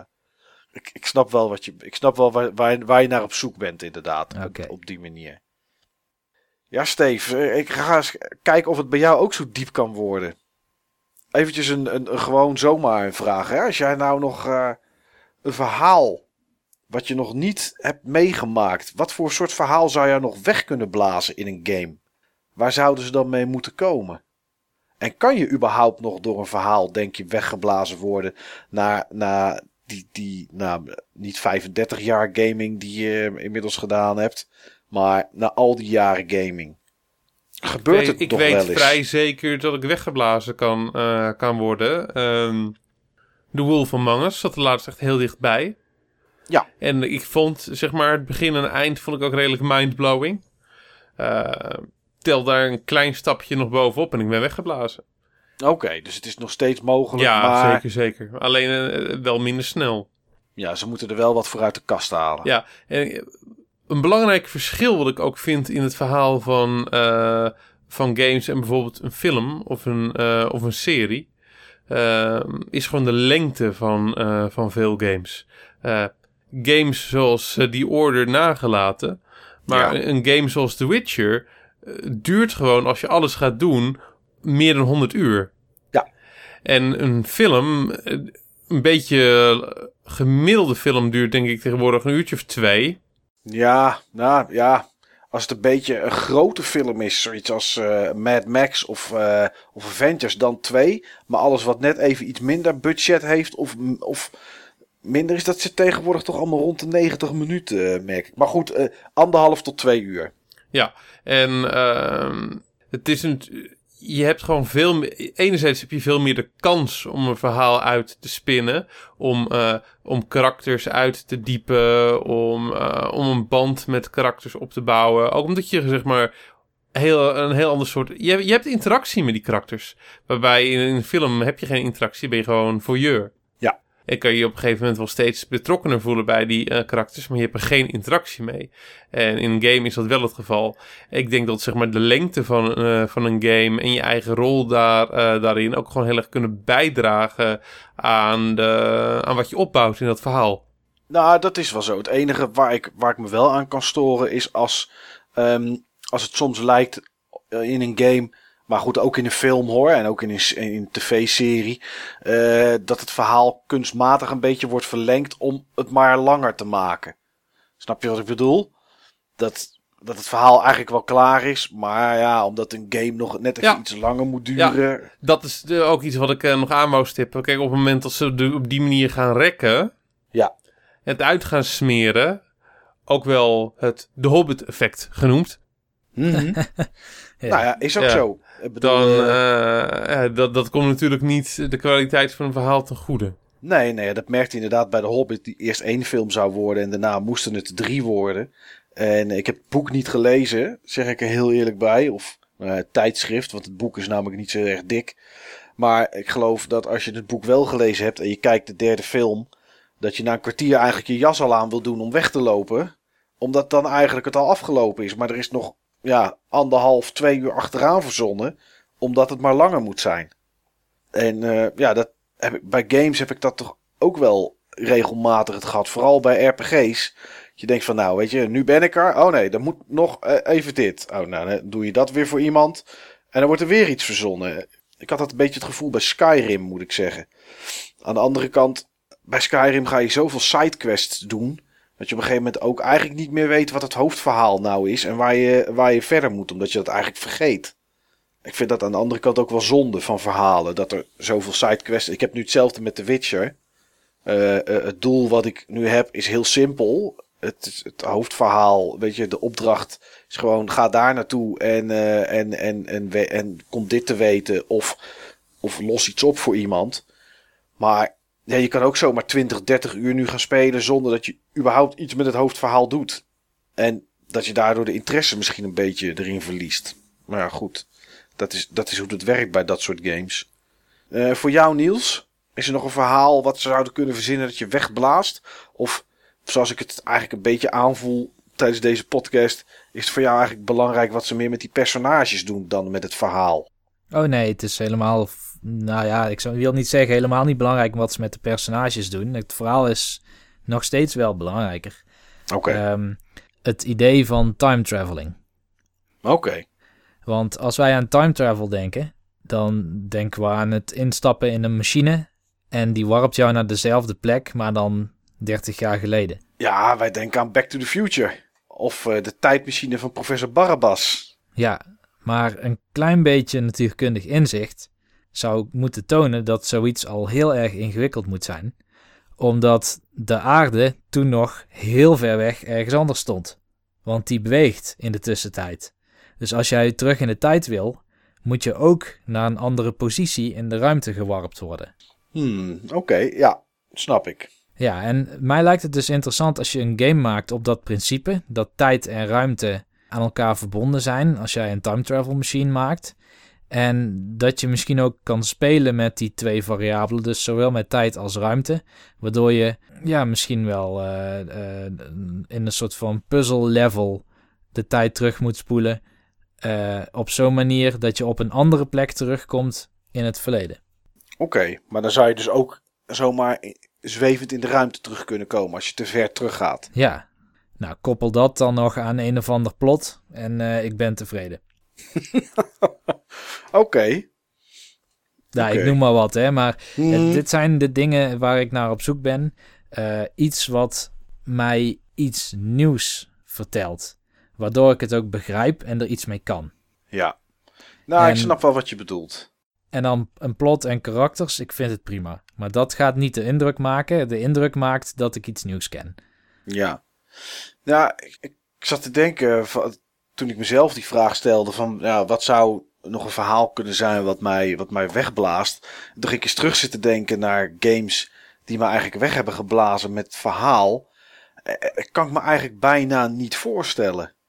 Ik kan me geen game voor de geest halen die dat, die dat heeft. En toen ik terug zitten denken aan iets waar dat dan wel bij tevoorschijn kwam. Eh, waar ik wel zoiets had van: oké, hier wordt iets verteld op een andere manier. Of met een andere invulling in ieder geval dan dat je gewend bent. En dan, ja, daar kwam ik voor mezelf toch heel snel uit bij tv-series die dat hebben. En dan eh, neem bijvoorbeeld een Lost, behalve eh, het einde. Dat was in principe een heel simpel, eh, maar dat is bijna elk verhaal. In de basis is het verhaal natuurlijk altijd heel simpel. Het gaat om de invulling. Bij Lost was het, ja, mensen op een eiland moeten er weer vanaf komen en lukt niet. Dat, is, dat is het verhaal. Alleen hoe dat ingevuld wordt, ja, dat, dat blies mij toch wel weg. Dat was elke week uitkijken naar. Hetzelfde had ik bijvoorbeeld met het eerste. Ik weet niet of een van jullie het gezien heeft, maar het eerste seizoen. nou, jij denk ik niet, Niels. Maar misschien Steve. Het eerste seizoen van Prison Break. Waarbij eh, eh, iemand zijn broer uit de gevangenis gaat halen. Door de hele blauwprint en alle informatie op zijn lichaam te tatoeëren. En zijn lichaam daarmee ja, eh, naar binnen neemt. Dus ook heel die blauwprint. Ja, dan is het nog steeds een simpel verhaal met iemand uitbreken uit een gevangenis. Dus iemand redden. Nog basaler. Alleen de manier waarop dat gedaan wordt, ja, die blies mij wel weg. Alleen dat heb ik in een game heb ik dat eigenlijk al, ja, eigenlijk al heel lang niet meer gehad. Ja, misschien had ik The Wolf verder moeten spelen, maar daar vond ik gameplay type dan weer niet interessant genoeg voor. Dan had ik misschien wel hetzelfde gehad als Steve. Ik denk van de games die ik heb gespeeld, als je dat zoekt, Maar dan het is niet dat ik de het Wolves of Among Us wel het dichtst bij. Het is niet dat ik het zoek hoor. Ik bedoel, ik vind een, een verhaal zoals in een, Bioshock of in een. ehm, nou, Bloodborne dan niet, maar als je naar de nieuwere games kijkt. eh, Infamous 1 en 2. Weet je, het is allemaal niet een geweldig verhaal, blaast niet weg. Maar er gebeurt genoeg en het is onderhoudend genoeg om het, om het leuk en interessant te houden. En het drijft wel mij voort om te blijven spelen. Dat doet het wel. Echt weggeblazen werd ik er niet door. Nee, ja, ik, ik weet niet hoe jij Infamous had, of Bioshock Infinite. eh, Bioshock Infinite. Bioshock Infinite, inderdaad. Hoe je die had beleefd. Of dat je het verhaal meekreeg toen je het speelde. Nou ja, het verhaal was natuurlijk een beetje wazig. En dat bleef het ook eh, een beetje tot aan het einde, zeg maar. En dan kan je er zelf nog een beetje een draai aan geven. Eh, dat, is, dat is hoe ik het verhaal, een beetje be- het grote verhaal. En dan had je nog het verhaal wat zich in die wereld afspeelde. Met een soort heerser en, en, en de eh, soort dictatorschap. En Ja. iemand eh, die daar een beweging tegen opzette om zich daar tegen af te zetten. Eh, ja, dat vond ik best interessant. Het blies me niet weg, maar ik vond dat wel leuk. Weet je, het was onderhoudend genoeg om mij te laten spelen. Terwijl als dat verhaal helemaal weg zou zijn, of het zou veel kariger zijn geweest, dan was het voor mij ja, een first-person shooter waar dan toevallig een haak in zat. Dat is dan wel een beetje het verschil wat ik. eh, wat, Ja, dat- precies. Dan maakt het verhaal wel het verschil. Nou, bij mij is Bioshock Infinite niet een van mijn favoriete verhalen in games. Maar wat ik wel leuk vond en wat ik ook merk bij mezelf dat ik altijd wel waardeer aan verhalen in spellen als ze dat doen, is dat jij ehm, het hele spel lang aan het speculeren bent wat er nou precies aan de hand is. Ja, En uiteindelijk, helemaal op het eind, draait het spel, het, eh, of in ieder geval het verhaal, nog eens compleet 180 graden om. Dus Ja. alles wat jij dacht te weten, blijkt een hele andere betekenis te krijgen. En dat vind ik heel cool. En dat doet Bioshock Infinite wel. Ja, ik vind het alleen heel listig als ze dat proberen. En dat gebeurt helaas te vaak. Ja, En dat het mislukt. ja dat is mogelijk. Dat het einde eigenlijk zo domper is dat je denkt... Ja, nou eh, had dan maar gewoon credits laten zien. Dat was het ook prima geweest. Ja.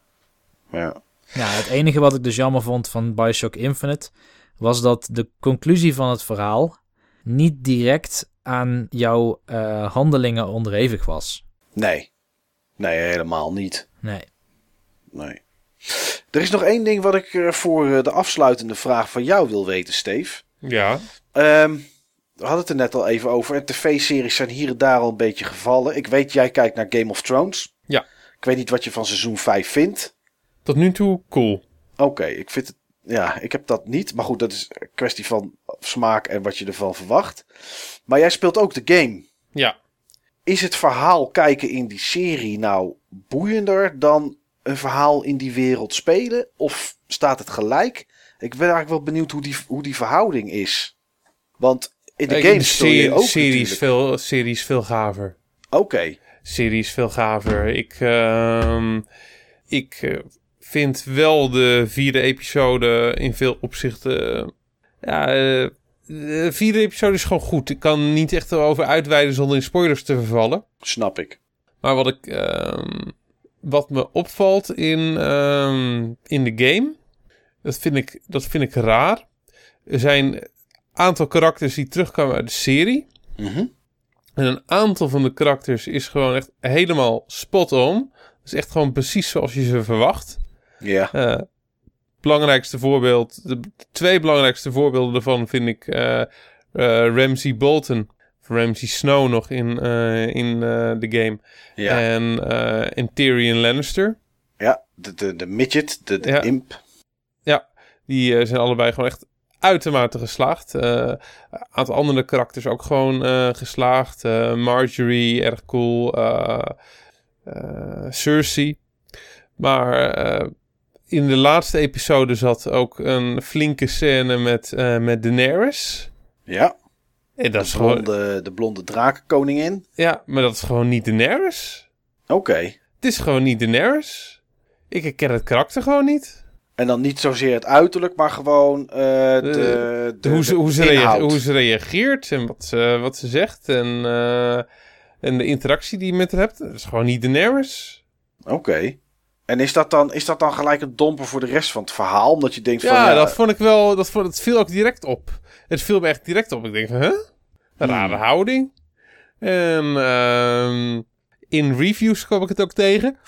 Dus eh, nee, het was echt ehm, iets wat ehm, ja, niet, niet in ieder geval bijdroeg aan het geheel. Nee. Maar wat wel heel erg bijdraagt aan het geheel is gewoon de, de setting. En hoe, hoe, hoe. Volgens mij had ik het ook gezegd toen ik eerder over Game of Thrones eh praatte. Dat je gewoon weet van welke stukjes waar vallen in de tijdlijn van, eh, van de serie. En eh, het, verhaal heeft ook een aantal hele interessante wendingen. Ik vind alles wat er gebeurt in King's Landing in de game vind ik heel erg cool. Ja. Dat vind ik echt, eh, denk ik wel, mijn hoogtepuntje van, eh, van alle plotlijntjes die op dit moment uitstaan. En eh, ja, er, zit, er is ook een verrader in het spel eh, ergens en je weet nog niet wie het is. En dat is ook wel eh, iets wat eh, nu ook wel een beetje naar voren zou moeten gaan komen.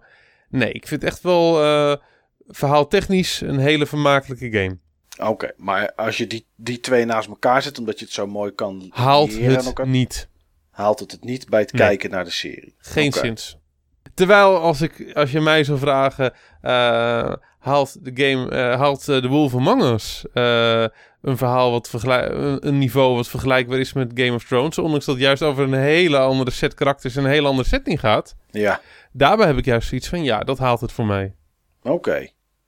Oké, overstijgt niet, maar is gelijk aan. Eh, ja, op, op een aantal niveaus is het voor mij gewoon gelijk aan.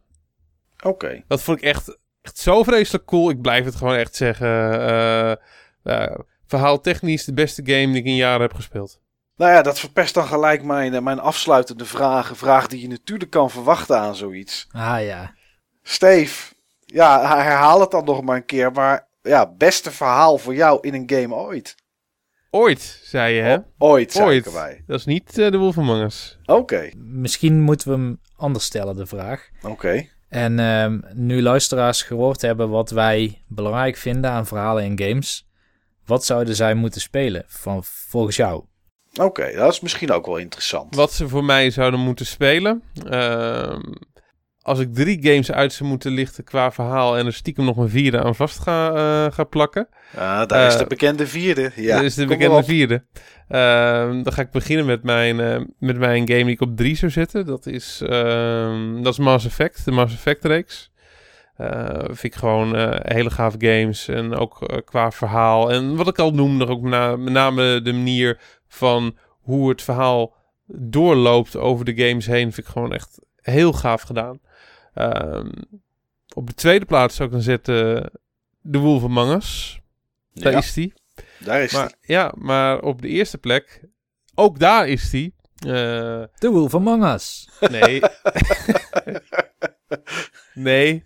eh, Legacy of Kain Soul Reaver. Ah. Ah, ja, ja, ja. Ja. En, dan, en dan de hele reeks uiteraard spelen, hè, voor alle verhalen aan Eh, elkaar. ja, ja, maar met name ehm, gewoon de eerste twee.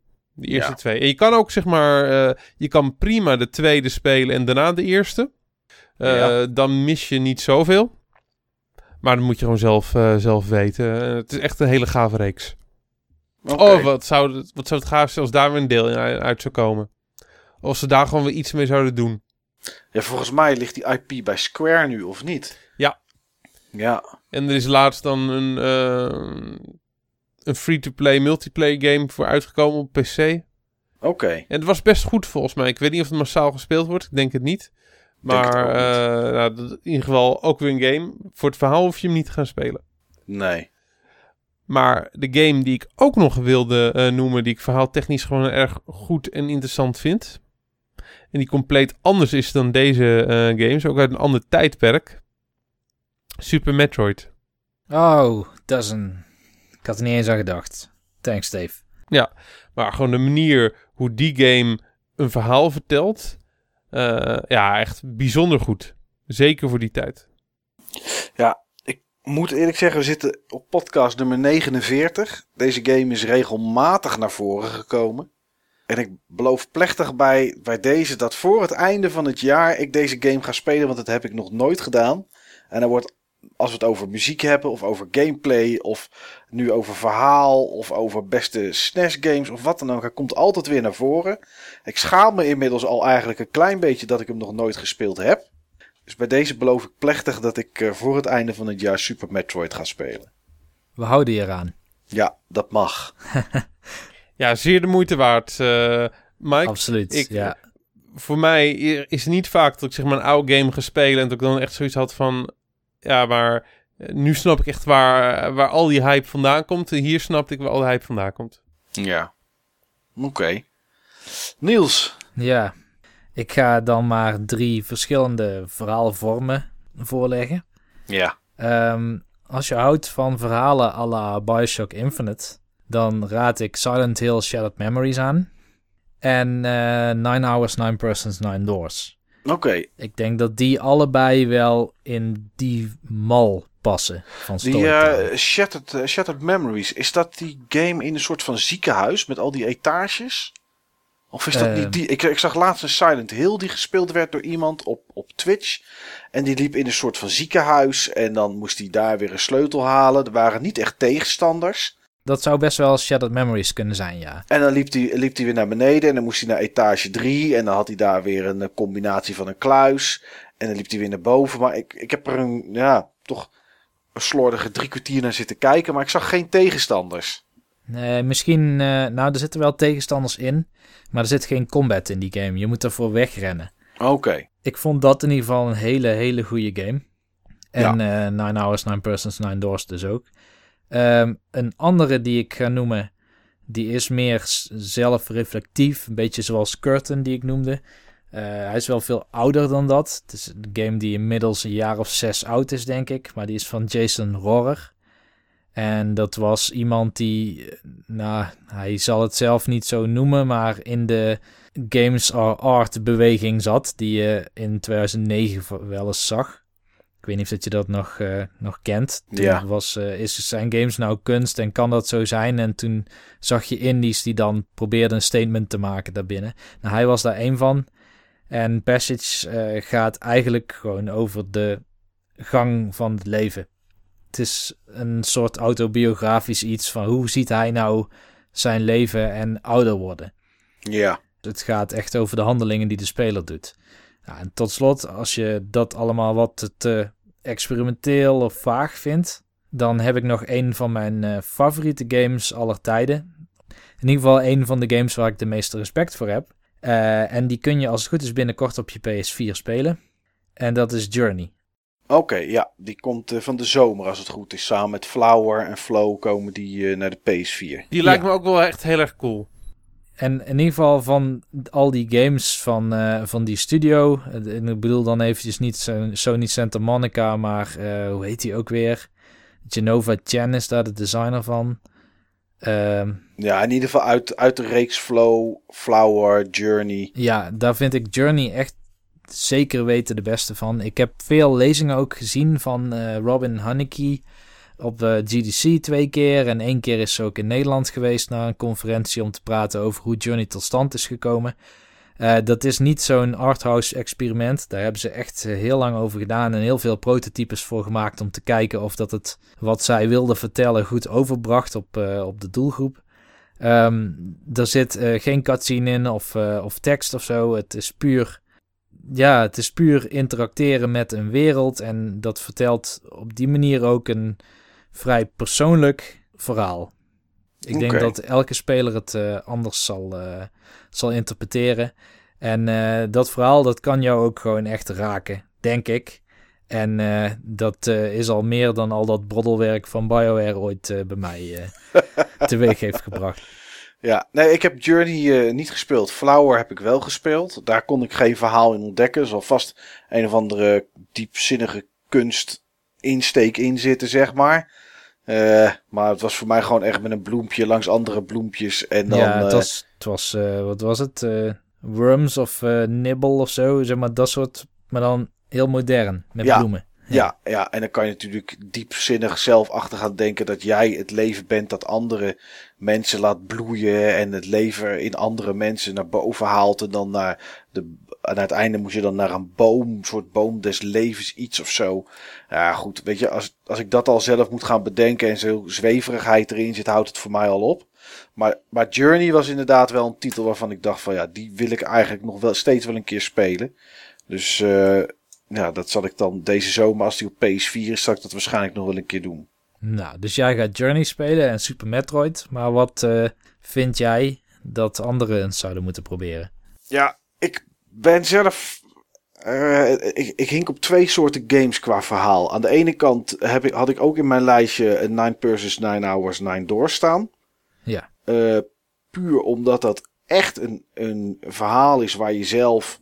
Uh, ja, goed, je moet wel invloed hebben, anders kan je het niet uitspelen. Ja. Maar ja, wat je daar natuurlijk in doet en in ziet, is een verhaal wat eigenlijk jou gepresenteerd wordt. Er zijn heel veel personages die met elkaar praten. Af en toe vragen ze, vragen ze jou eens iets. Um, maar daar krijg je wel echt een soort beleving. En wat ik aan die game echt heel goed vind, is dat ondanks dat je hem waarschijnlijk een keer of 6, 7 moet uitspelen, wil je het, wil je het, het echte einde hebben. Dat er elke keer iets bij komt elke keer, hè, je gaat een andere kant op, een andere gang in. Of je gaat met andere mensen mee. Dan weet je wat die ondertussen doen. Terwijl jij uh, eigenlijk aan de andere kant was en weet wat die mensen aan het doen zijn. Ja. En op die manier wordt, uh, ja, krijg je steeds krijg je een stukje meer. En dan heb je uh, gameplay. En de gameplay bestaat voornamelijk uit puzzels. Maar het verhaal zelf is eigenlijk ook een puzzel. Dus het zijn eigenlijk puzzels in puzzels. Terwijl de grootste puzzel het verhaal is. En dat vond ik wel echt heel erg tof. Ja. Um, ja, voor de rest ben ik erg fan van de games waar je niet het verhaal zo gepresenteerd krijgt voor het grote deels als in Nine Persons, Nine Hours, Nine Doors. Maar waar je zelf het verhaal een beetje maakt. En dan denk ik aan bijvoorbeeld een game als Fallout 3, Skyrim, The Witcher.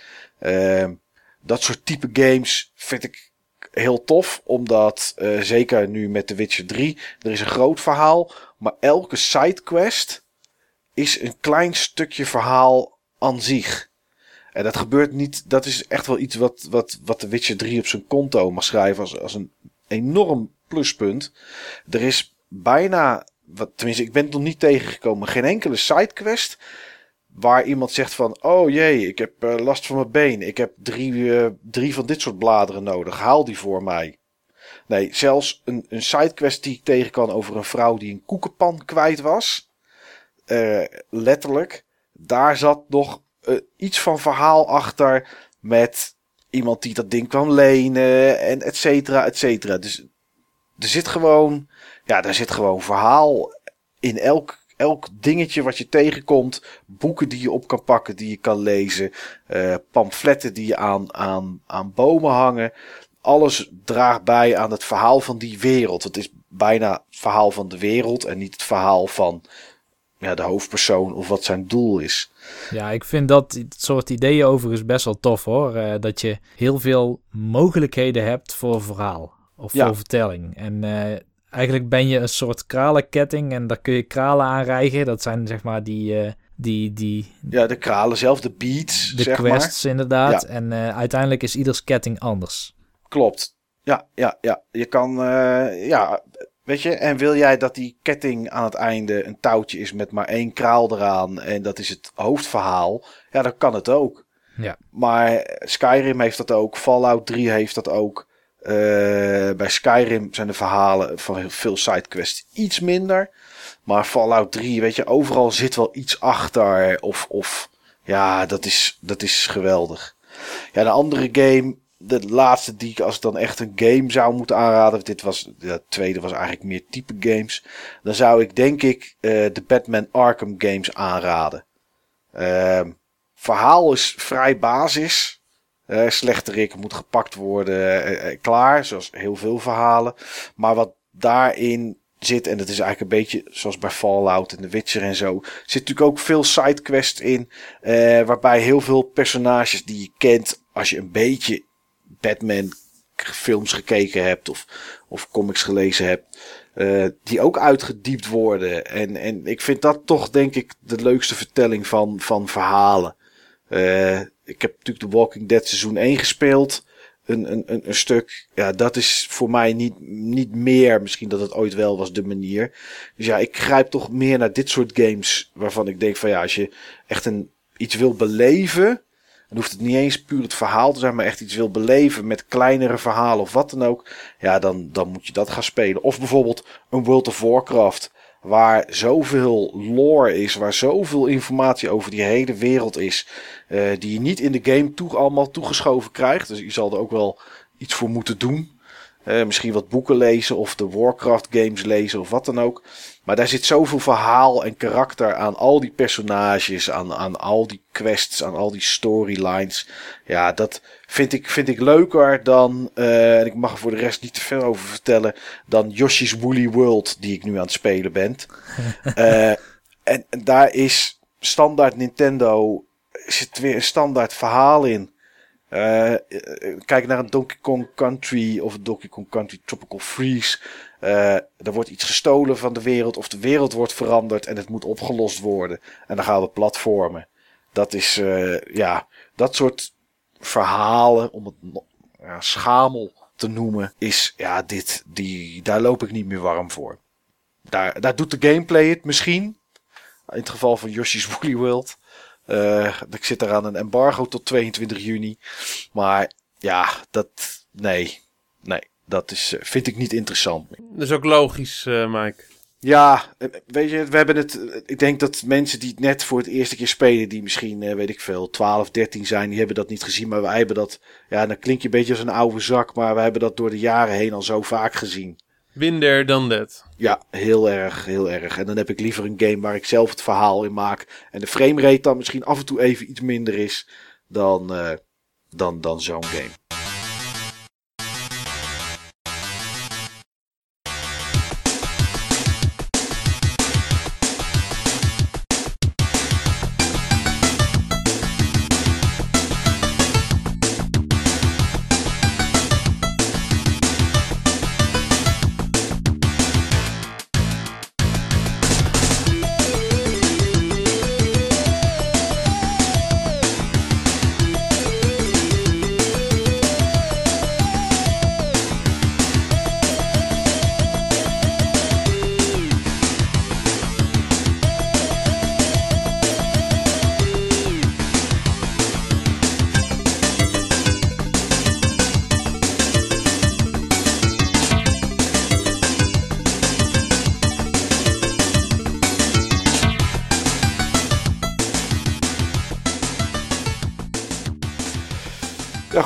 Dit was, eh, nu ik er zo op terugkijk, waren dit verhalen over verhalen die soms verhalen vertellen.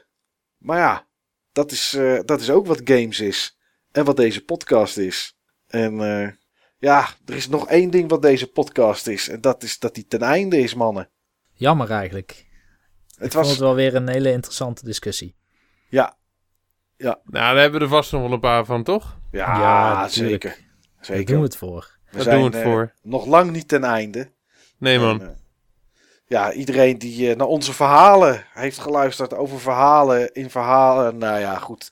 Ik eh, blijf hangen in mijn eigen verhaal. En ik kan alleen maar zeggen, bedankt voor het luisteren. En ja, jongens, tot de volgende keer. Ik kijk er, eh, ik kijk er nu alweer naar uit. Yes. Goeie zaak. Tot, Doei, doei mannen. doei doei, tot de volgende.